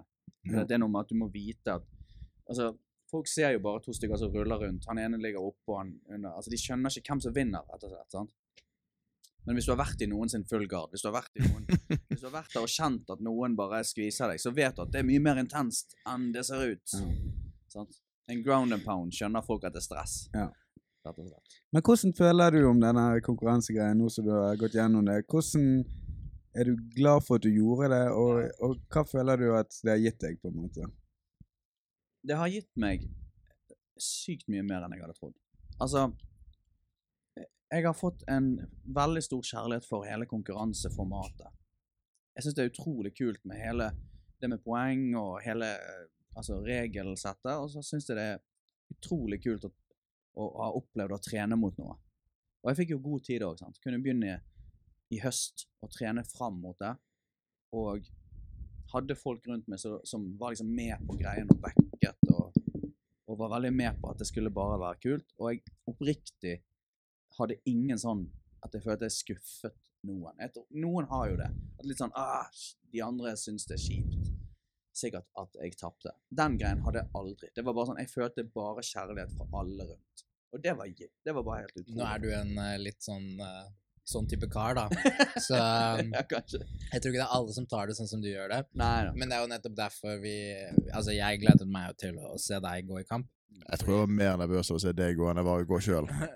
Nei, men altså sånn i forhold til at Stort sett så klarer du å snu det til at det blir en positiv ting. Mm. Så jeg var, jeg var ikke så stressa i forhold til at Å, nå kommer Kjartan til å slutte med jiu-jitsu etter det Å, nei, nei. Nei. Nei. Så jeg, jeg, jeg syns det er kult at du, du opplevde det sånn som du opplevde det, og ikke minst at du får reise sammen med, med lagkamerater, ikke sant. For da får du den der fulle erfaringen der hvor OK, nå heier du på de andre, Ja. og nå plutselig er det din tur, ikke sant, og alle disse Mm. tingene. Og um, altså, det, det å ha flere dager, da, der hvor du kan Ja. på en måte gå ut i den arenaen og Selvfølgelig, du, du blir ganske sliten av å være i den hallen en Ja. stund, men, eh, men det, er, det er jo en erfaring å ta med seg videre. Sånn sett er jeg egentlig glad for at jeg gjorde noe så stort òg. Altså, bare for det, det var liksom en ekstrem sånn innsprøytning av bare hvor fett alt dette er og Men ja, det må jo gjøres igjen. Det er jo bare å gjøre det. Hei! Der sa han det. Eh, det er på opptak, så Ja. Da er det offisielt. Barcelona. Nei, vi får se. Nei, men uh, veldig gøy og dødsfett. Du, men du Christian, hvordan, hvordan føler du om denne her greien? For det, dette må jo enkelt være din beste konkurranseprestasjon. Ja, ja, vet du hva? Og det, det er én ting som jeg verger meg litt mot å si. Um, tingen er at jeg, jeg, jeg gikk Europeans i forfjor, jeg røyk på en supersmell. For da, da gikk jeg inn og var supermotivert. Super, jeg bare følte meg jævlig klar for å ta over verden. Og så bare røyk jeg ut med en gang. Jeg bare sånn, Hva faen skjedde her? Um, men vet du hva, jeg eh, det, var en, det var en latterlig fet opplevelse. Jævlig kult. Uh, men jeg har smakt på en annen konkurranseopplevelse òg, som ikke var i nærheten av like stor, men som var nesten like givende for meg. Og det, det, det, det, satte meg, det satte meg litt ut, for jeg ble litt usikker på hva, hvordan liksom, hele greia fungerte. Og da For jeg hadde en eh, etter Europeans i forfjor, når jeg røk ut, så var jeg jævlig revansjesugen, og så meldte vi på en konkurranse i Danmark, Um, hvor jeg reiste ned alene med broren min, som ikke trener jitsu. Han syns det er kult, liksom, men han trener ikke. Um, og eh, så meg og han reiste ned dit. Ingen andre. eh, Danish Open. Og så For der hadde jeg Det, det tror jeg fortsatt til dags er min sykeste konkurranseopplevelse. Og det uh, Bare sånn kort fortalt. Og så Da har jeg jobbet meg ned til 97 kilo. Jeg pleier å være sånn 110, egentlig. Og så eh, gikk jeg inn for å melde meg på Superheavy, og så kommer jeg dit, og så på dagen, ikke før, men på dagen, så får jeg vite å ja, nei, men det er ingen i klassen din, så hvis du vil gå, så må du gå opp i ultra. Og så ble jeg sånn Faen, jeg driver og kutter vekt for da. Dette er jo bare tull. Og så gikk jeg i ultra. Og så første kampen tapte jeg igjen mot en eller annen dude på 117 kilo. Og jeg snakket med han etter kampen, så han superhyggelig fyr. men Han var faen meg diger. Og jeg bare Jeg hadde ikke varmet opp skikkelig. Jeg var ikke klar, jeg var ikke fokusert, jeg stresset. Alt dette greiene her. Men så fikk jeg Det var- Det var ikke IBF-regler, så da fikk jeg gå for bronsen. Og så fikk jeg bronsen. Vant neste kampen. Meldte meg på åpen vekt. Gikk på Mac-en og spiste før kampen min. Og så eh, Og så i første kampen min, neste runde, så møtte jeg samme fyren igjen på 117 kilo som jeg tapte første runden til. Og den kampen vant jeg. Og det, liksom, det, det tror jeg fortsatt er den beste følelsen jeg har hatt, for det, det var mer personlig. Det var jævlig mye mer personlig. Uh, men jeg vet ikke. Jeg satt og tenkte jævlig mye på det etter, etter når vi satt begynte å pilse og vi var ferdig med dagen. og jeg, ehm, jeg, vil ikke si at en, den ene er bedre enn den andre, men de er veldig forskjellige. For den ene var jævlig personlig. Det var bare sånn, det var, det var, det var en fight, liksom. Det var bare blodig alvor. Mens Europeans, det var sånn Jeg var så redd hele veien fordi jeg, jeg, jeg følte ikke det var ekte. Jeg, var sånn, jeg vant første kampen, og så gikk jeg til Fiel og bare sånn Jeg skal gå en kamp til nå, sant? En til. jeg vet ikke hva skjer nå. Nå er vi videre, sant? Og så vant jeg neste kampen, og så var det sånn Helvete, hva Ok. Og så jeg, jeg, jeg, det, var, det føltes jævlig uvirkelig hele veien. Du visste hvor i støtet du egentlig var. Eh, eh, Virket det som utenifra? Ja, det virker som du Ja. ikke helt har greid å ta til deg Ja, for- hva som egentlig skjedde. Nei, nei, nei, men det er liksom eh, Jeg setter jo det, altså, Jeg legger jo merke til Jeg har jo det, det, Telefonen min druknet jo i meldinger, og det jævlig hyggelig, og liksom Jeg snakket jo med folk jeg ikke har snakket med på flere år, og liksom sånn onkler som jeg ikke hører noe fra, som begynner å sende meg meldinger, liksom. Det er jævlig kult. Ja, ja. Nei, det var ikke Så langt gikk det ikke. Så jeg, jeg skjønner jo at det, det, Jeg setter jo jævlig pris på det, liksom, oppmerksomhet og alt det der. Uh, men uh, hele prosessen jeg ville bare, For meg så var liksom Jeg ville vinne første kampen min, jeg ville gå videre, og så var jeg jævlig keen på å få en Matrix-setup, for jeg visste at det liksom var uhørt. Um, men det, det, var en, det var en sykt fet opplevelse. Jeg, jeg, jeg er sykt happy for det. Og, um, men tingen er at jeg, jeg gikk ned til hev, super heavy, så minus 100,5 kilo. Og jeg For helt ærlig så kan jeg gå ned til heavy òg. Fordi jeg er ikke skinny as fuck, liksom. Jeg har mer å gå på. Så uh, jeg, er, jeg er keen på, det, på å gjøre det. Så sikter deg inn på neste gulv i backklassen under òg? Blir champ-champ? Oh, oh, champ-champ! Kanskje det. Vi får se. Nei, men jeg er jævlig keen. Jeg skal, jeg skal fortsatt konkurrere. For meg, så jeg har vært veldig åpen om at jeg ikke en sånn, jeg anser meg på ingen måte som en aktiv utøver. Jeg, sånn, jeg konkurrerer litt her og der hvor det passer inn, og jeg syns det er fett og hvis jeg føler meg klar for det. Men jeg, jeg vet òg at jeg vil ha, når jeg konkurrerer, så vil jeg gjerne være litt forberedt på det et par måneder på forhånd, sånn at jeg kan, jeg kan skjerpe meg og spise skikkelig og være litt forberedt, og mentalitet og alt det der. sant? Spør du meg, så så det ut som du markløftet eh, noen av de der eh, dudesene i vektklassen. prøvde helt sikkert å gjøre det. Fivelmark løftet han kisen. Ja, det var Det fett. var gøy. Det var fett. han var glad i ass. Men altså, så det, du, du var sterk for vektklassen din. eh. Ja, ja, men jeg, jeg kjente meg sterk òg. Det var jævlig Jeg så på alle de andre, de hadde jo egentlig ikke så mye å Nei. Men det er liksom. Det, det er veldig rar det, Jeg føler overgangen mellom hev, nei, super heavy og ultra heavy er så jævlig stor. Mm. Fordi det, er ingen, det er svært få mennesker som er ultra heavy, og som er rett over 100 kilo. Veldig, det er jo noen av dem, men veldig mange som er ultra heavy, er veldig store. Det er, det er Mens- noe tak der. Ja, men så, mens de som er super heavy, det er svært få av de som er oppunder 100 kilo. Sånn at jeg er jo egentlig, la oss si at jeg var jo egentlig kanskje 102 kilo den dagen, men så har jeg drenert mye vannvekt og sånn, så jeg går ned til 98, så jeg er safe. Eh, mens jeg føler mange av de andre som jeg gikk i klasse med, er ikke De, de går kanskje rundt på sånn 98-99 naturlig. Og det er ikke, du er jo i tillegg en svær kar. På en måte rammen din, du er høy, du Ja, er stor, du er, du er laget for en høyere vektklasse. Mens noen av de som er oppe i den vektklassen, er litt dårlig diettvektklasse òg. Ja. Mm. Sånn, sånn at du er på en måte i, i ditt sjikte. Mens Ja. noen av de er kanskje ikke helt der de burde være. Nei, det, det, men eh, definitivt, vi kommer til å kjøre på, mann. Bare, bare finne noe Jeg ser for meg noen jævlig travle måneder fremover, så eh, med arbeid og andre ting. Um, så jeg eh, tror um, Men det, det, kommer, det kommer. Jeg har sykt lyst til å reise til Barcelona. Jeg vurderte Worlds.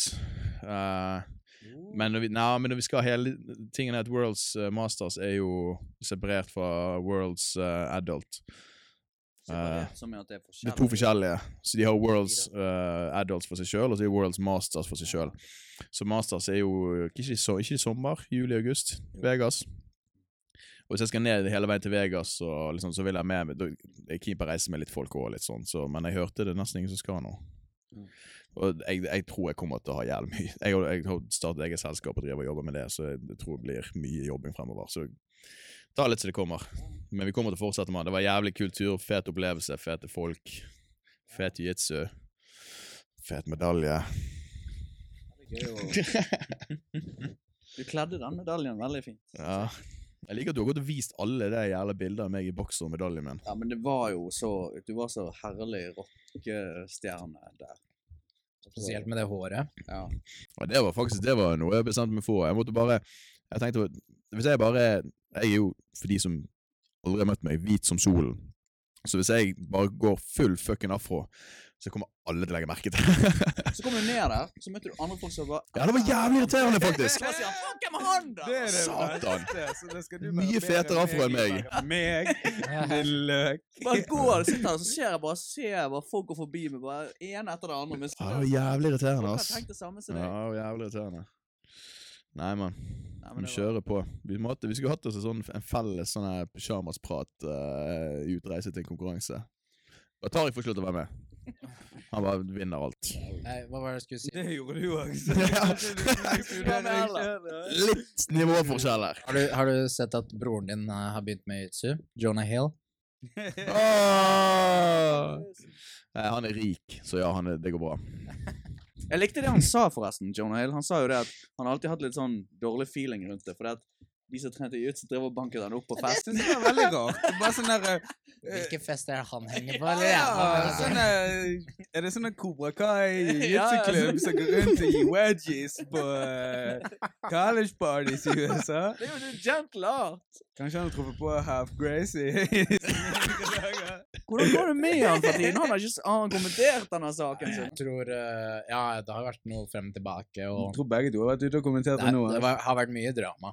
Uh, det er en saksmål, som jeg har forstått. Det må det jo være. um, hele konflikten var jo det med at det var eh, Det er et område han på en måte eier, da, kan du si. Et, eller han har gym i et område, Mm. Og så har de tenkt å ekspandere inn i dette området, som jeg har forstått, og så var det en eller annen konflikt som startet De har en tidligere avtale fra 20 år siden om at den, eh, den delen av eh, San Francisco eller noe sånt skal ikke, skal hans. ikke Gracie Barr komme inn i, på grunn av det er Mm. hans uh, greie. Men det, det morsomme som, som er med det, er jo at akkurat i den, det, det området Mm. har jo Det var jo der Kurt Yorsiander var hovedtreneren på gymmen hans før. Ja. Og så ble Kurt Ja. kastet ut, og så ble det en Gracie Bahaki som ble tatt inn som hovedtrener. Ja. så, så du tok jo Ja. Du stjal jo nettopp hovedtreneren til Ja. denne gymmen, og slengte inn som din hovedtrener i gymmen, Mm. og så kommer du og snakker om respekt etterpå. Det var litt rart. Jeg så eh, Kurt Osiander var jo eh, tidlig ute etterpå og bare eh, satt og viste fingeren og lo seg i hjel på Instagram-video. det der er Han la ut et bilde så sa han sånn der And they call me unstable. Ja. Faen. Jeg har, jeg har en uh, Etter uh, en kompis av oss, Jon, var uh, der nede i San Francisco, så plukket han opp en Half Crazy-T-skjorte til meg, som jeg alltid syntes var jævlig kul, men nå er han fet. God historie. Min mor var jo i San Francisco. yeah. På, med, og så har hun fått, Det var akkurat da jeg begynte å trene på Frontline. Så har hun fått med seg der faen jiu-jitsu. Så kom hun tilbake med en T-skjorte så det sto liksom den, den logoen sånn. Jeg gikk inn på et en sånn eh, treningssted, og der var det en hyggelig type som jobbet. Han så litt sånn uh, utenlandsk ut. Så ikke ut som han var amerikansk. Nei, du sier ikke Jeg gikk inn med sko på matten.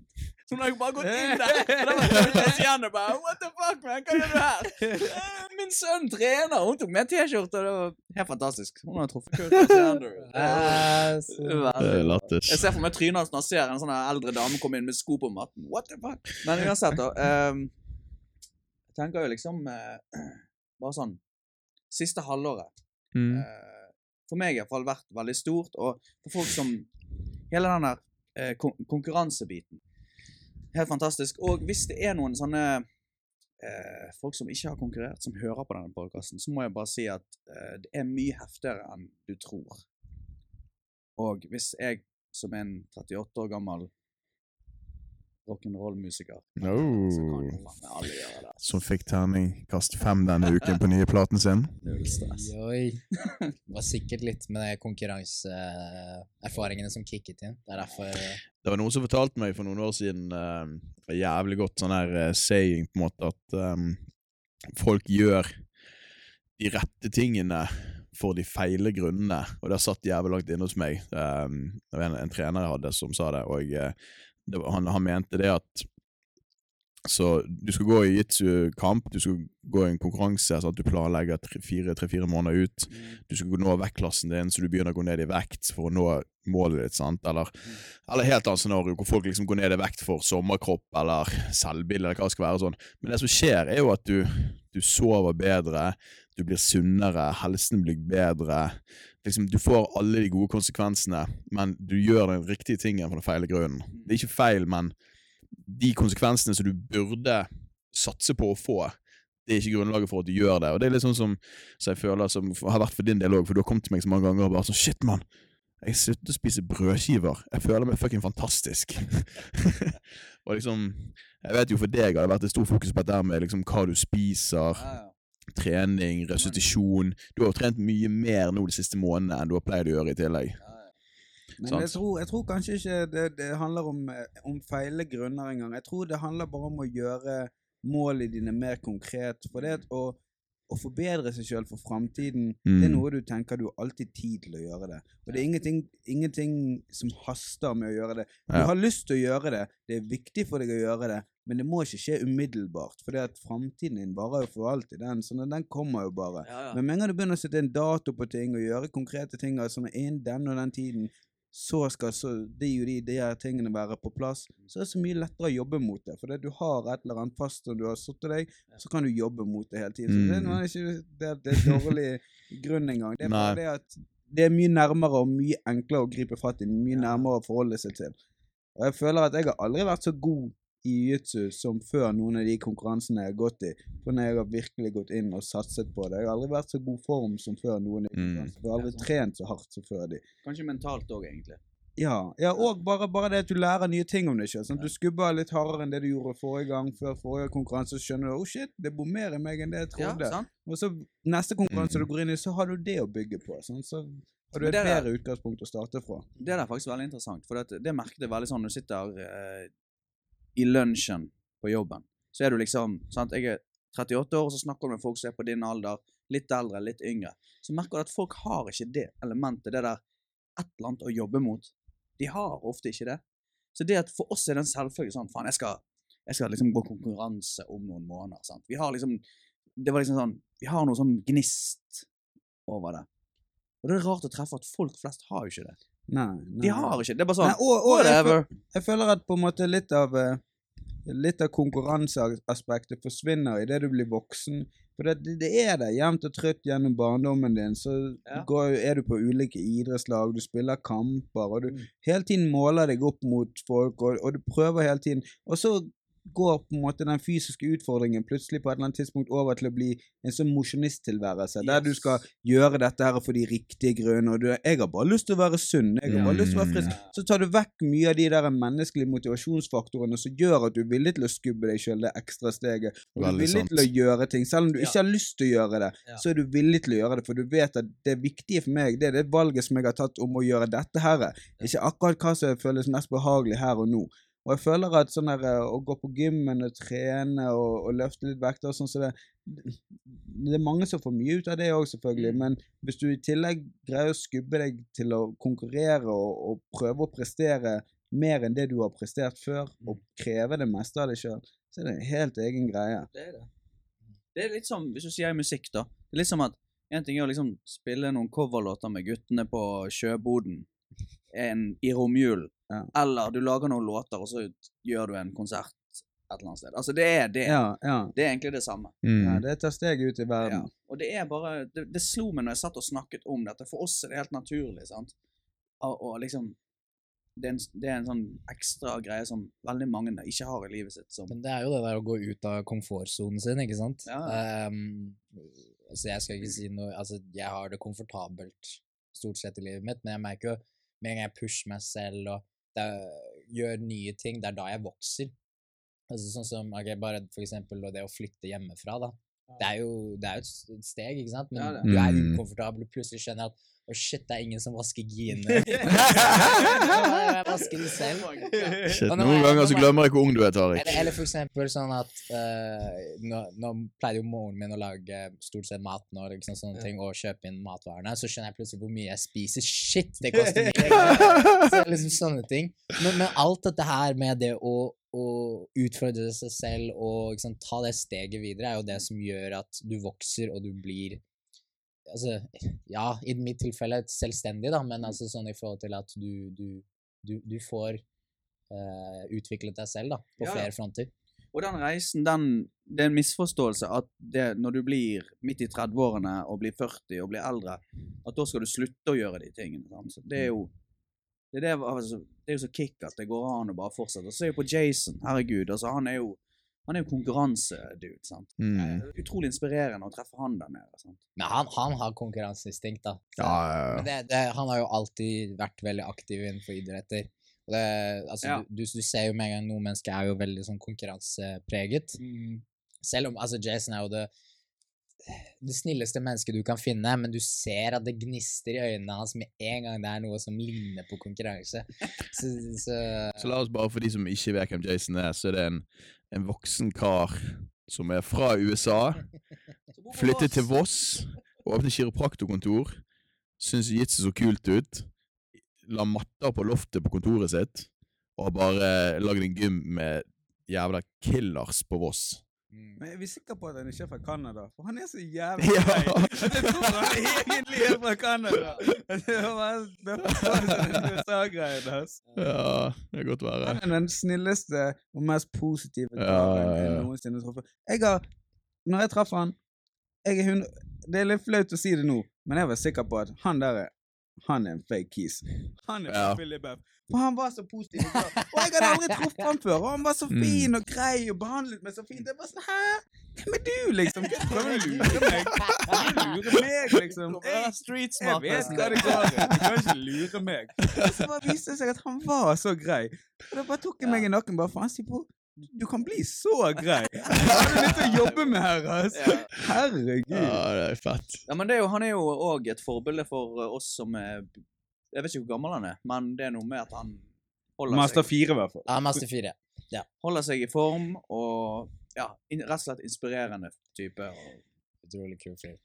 så det Det som inspirerer mest med ham, bare hvor mye energi og oppsikt du har å gi til folk rundt deg. Hele Han tiden. bare- Han Hele bare tiden. gir godhet konstant. Han bare stråler stråler seg, og er villig til å bare gi det til hvem som helst, Mm. når som helst. Jeg tror, jeg tror er- altså, Det er jo en ting du merker som coach, tror jeg, at du, du, det kommer innimellom en eller annen sånn svart hulls, uh, oppmerksomhetshull, som vil bare ha all oppmerksomheten.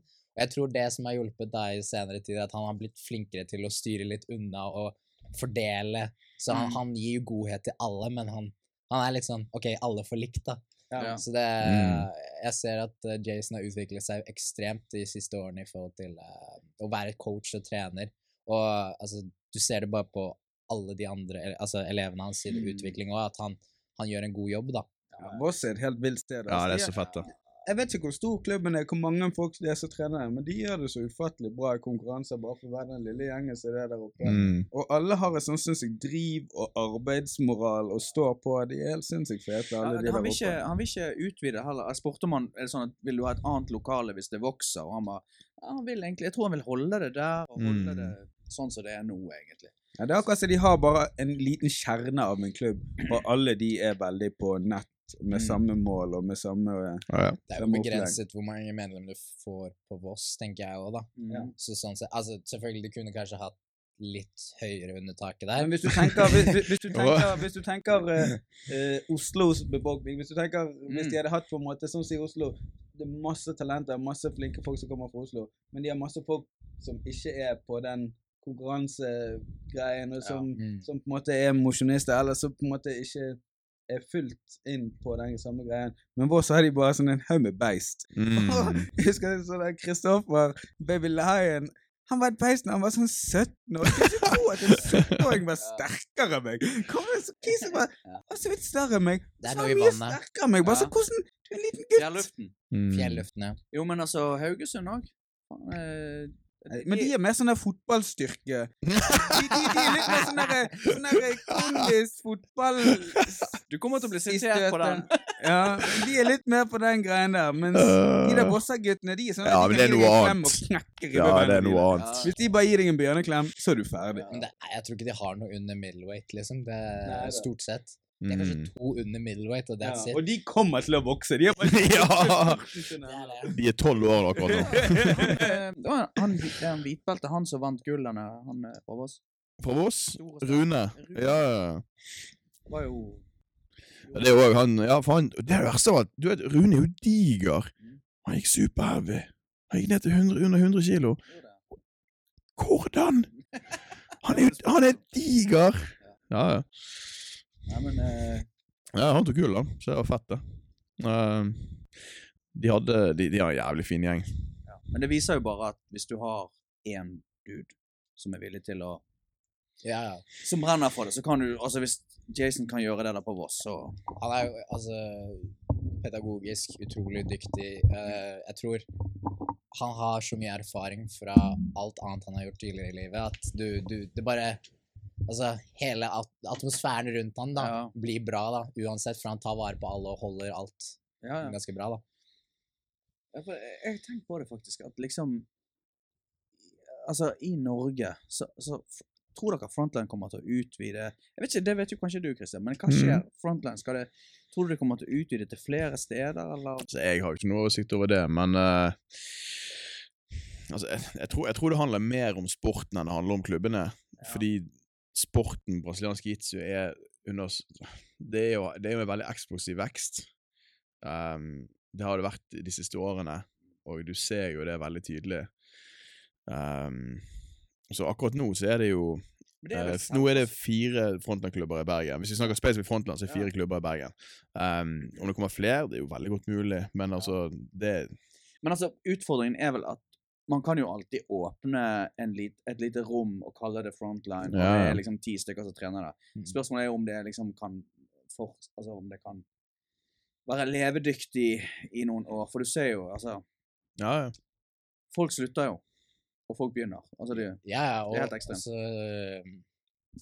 Det er jo altså som alle gymmedlemskap, da. Det er jo eh, Mm, Du har ganske mye støttemedlemmer en periode. Men i forhold til at uh, vi har jo Frontline Drammen, Frontline Orebro, Frontline Oslo, eh, Bergen, ikke sant? Så vi- Voss. Ja, Voss. Og det, du vet, det er de fem nærmeste, og så er det jo faktisk uh, Polen uh, har en egen frontline eh, eh, avdeling, og så er det sånn teknisk sett en i Canada òg. mm. teknisk sett Ja, de, men de opererer litt under annen Nei, men de opererer under annen logo, men det er, det er frontline, liksom. De er heter frontline. Jeg har sett de under konkurranseoppgreiene, så jeg har alltid lurt på om det er Ja, ja. sånn, ja men de, de er sånn halvveis under oss, for de har de òg en affiliasjon til uh, Eduardo ja, de, ja, det vet jeg. Til Teta. og Liborio. Men Ja. sånn i forhold til at Ja, de går vel under en litt ah, jeg, vet, jeg vet ikke om de heter Jeg kan ikke detaljene. Men de heter jo Ja. Jeg vet ikke. Men i hvert fall Så vi har jo allerede blitt ganske store sånn sett. Ja. Og bare se på det siste året her i Bergen, så har jo det eksplodert i forhold til Mm. vekst.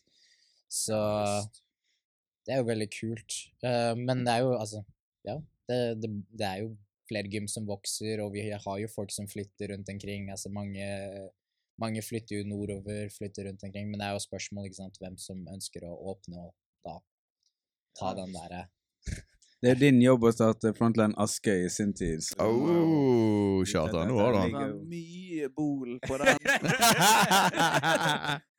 og det kommer jeg til å akseptere. Er det sånn på Askøya? Ja, der, du, det er jo på landet, sant? Mm. Eh, nå broen har jo Men eh, nei, det er jo Der er det mye sånn eh, biler med stort anlegg baki. Mye Jeg har vært der. Du har vært der. Har vært Du der. bor der. Jeg har vært med på det. Nei, jeg tror, jeg tror det er det, ass. Så ikke vi går altfor langt over tiden. Hva er dagens lekse? Hva har vi lært av det hele? Hva har vi lært? Konkurrer. Konkurrer. Faktisk så enkelt. Konkurrer. Neida. Men uh, uansett hva du driver med, kom deg ut av komfortsonen. boks, Voks. Bli, eh, bli bedre hver dag. Ja. Få juling. Fordi at eh, det Du reiser deg opp, fugl føniks, opp av asken. Og det gjør ingenting å tape første kampen, egentlig. Men ikke gjør det Ikke gjør det. Nei. Bitte litt. Og sitt konkrete mål. Ikke så langt fram i framtiden. Ikke så uh, diffuse Nei. Ting som er lett å holde seg fast i. Ja. Jeg tenker at jeg har lyst å bli litt slankere. Mm. Det spørs om du kommer til å jobbe for det i dag. Men hvis du sier i januar da skal jeg veie 90 kilo for noen, Mm. 70 kilo for noen, Mm. så er det mye enklere å jobbe mot det. Så Mm. kan du bruke den tiden du har, og så kan Ja. du sitte det enkle mål, og så jobbe mot det. Ja.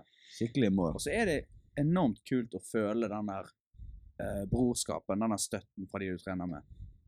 Selv om noen av de rundene, Tariq, der du dabbet meg For faen, det var så jævlig gøy. Første runden Folk.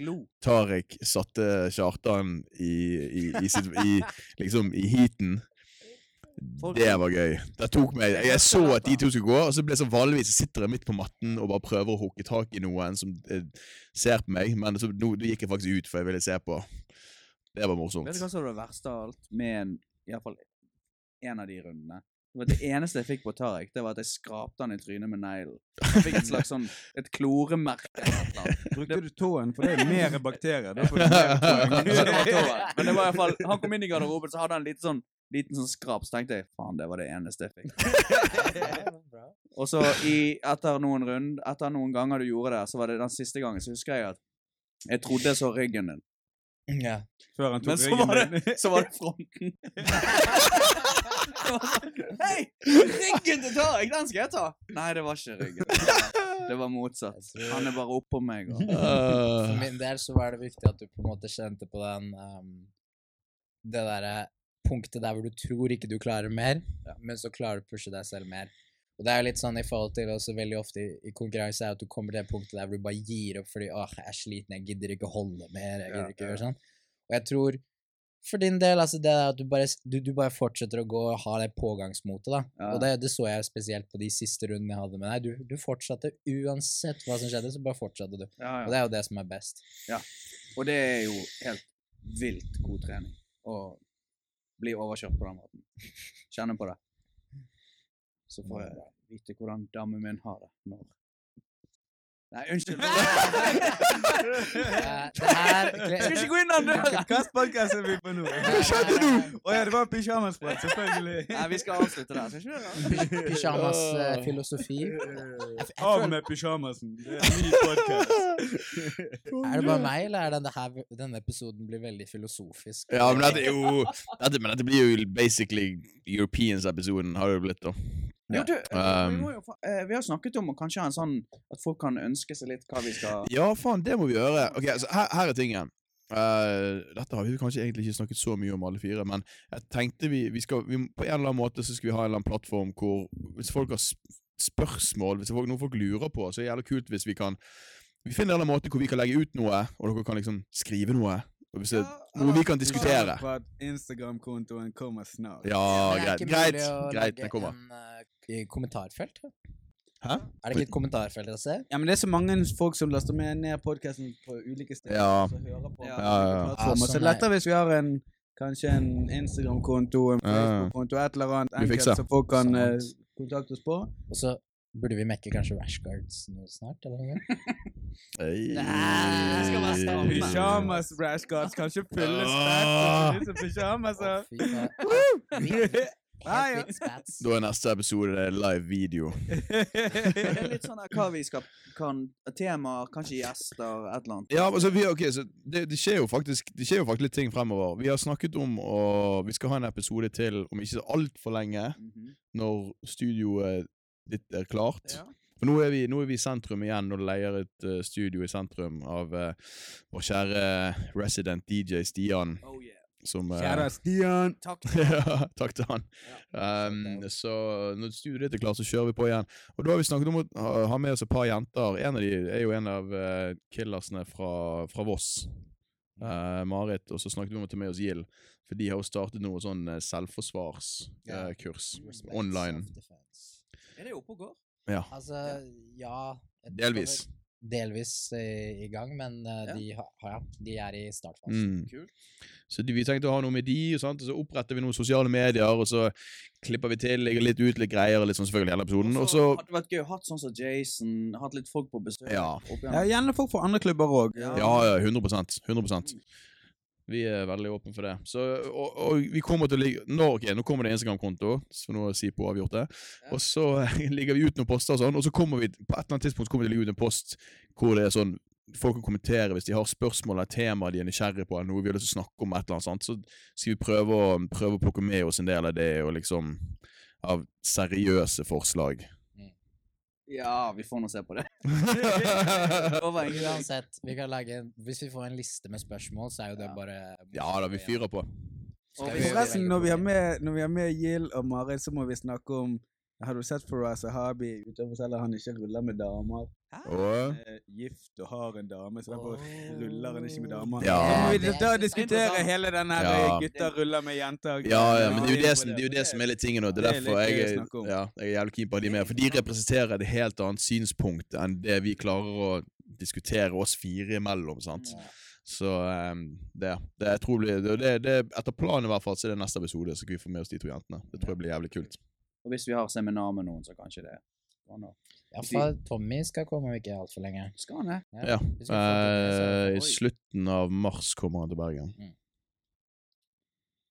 Ah. Vi får se. Ja, ja. Så fortsett å følge med på podkasten.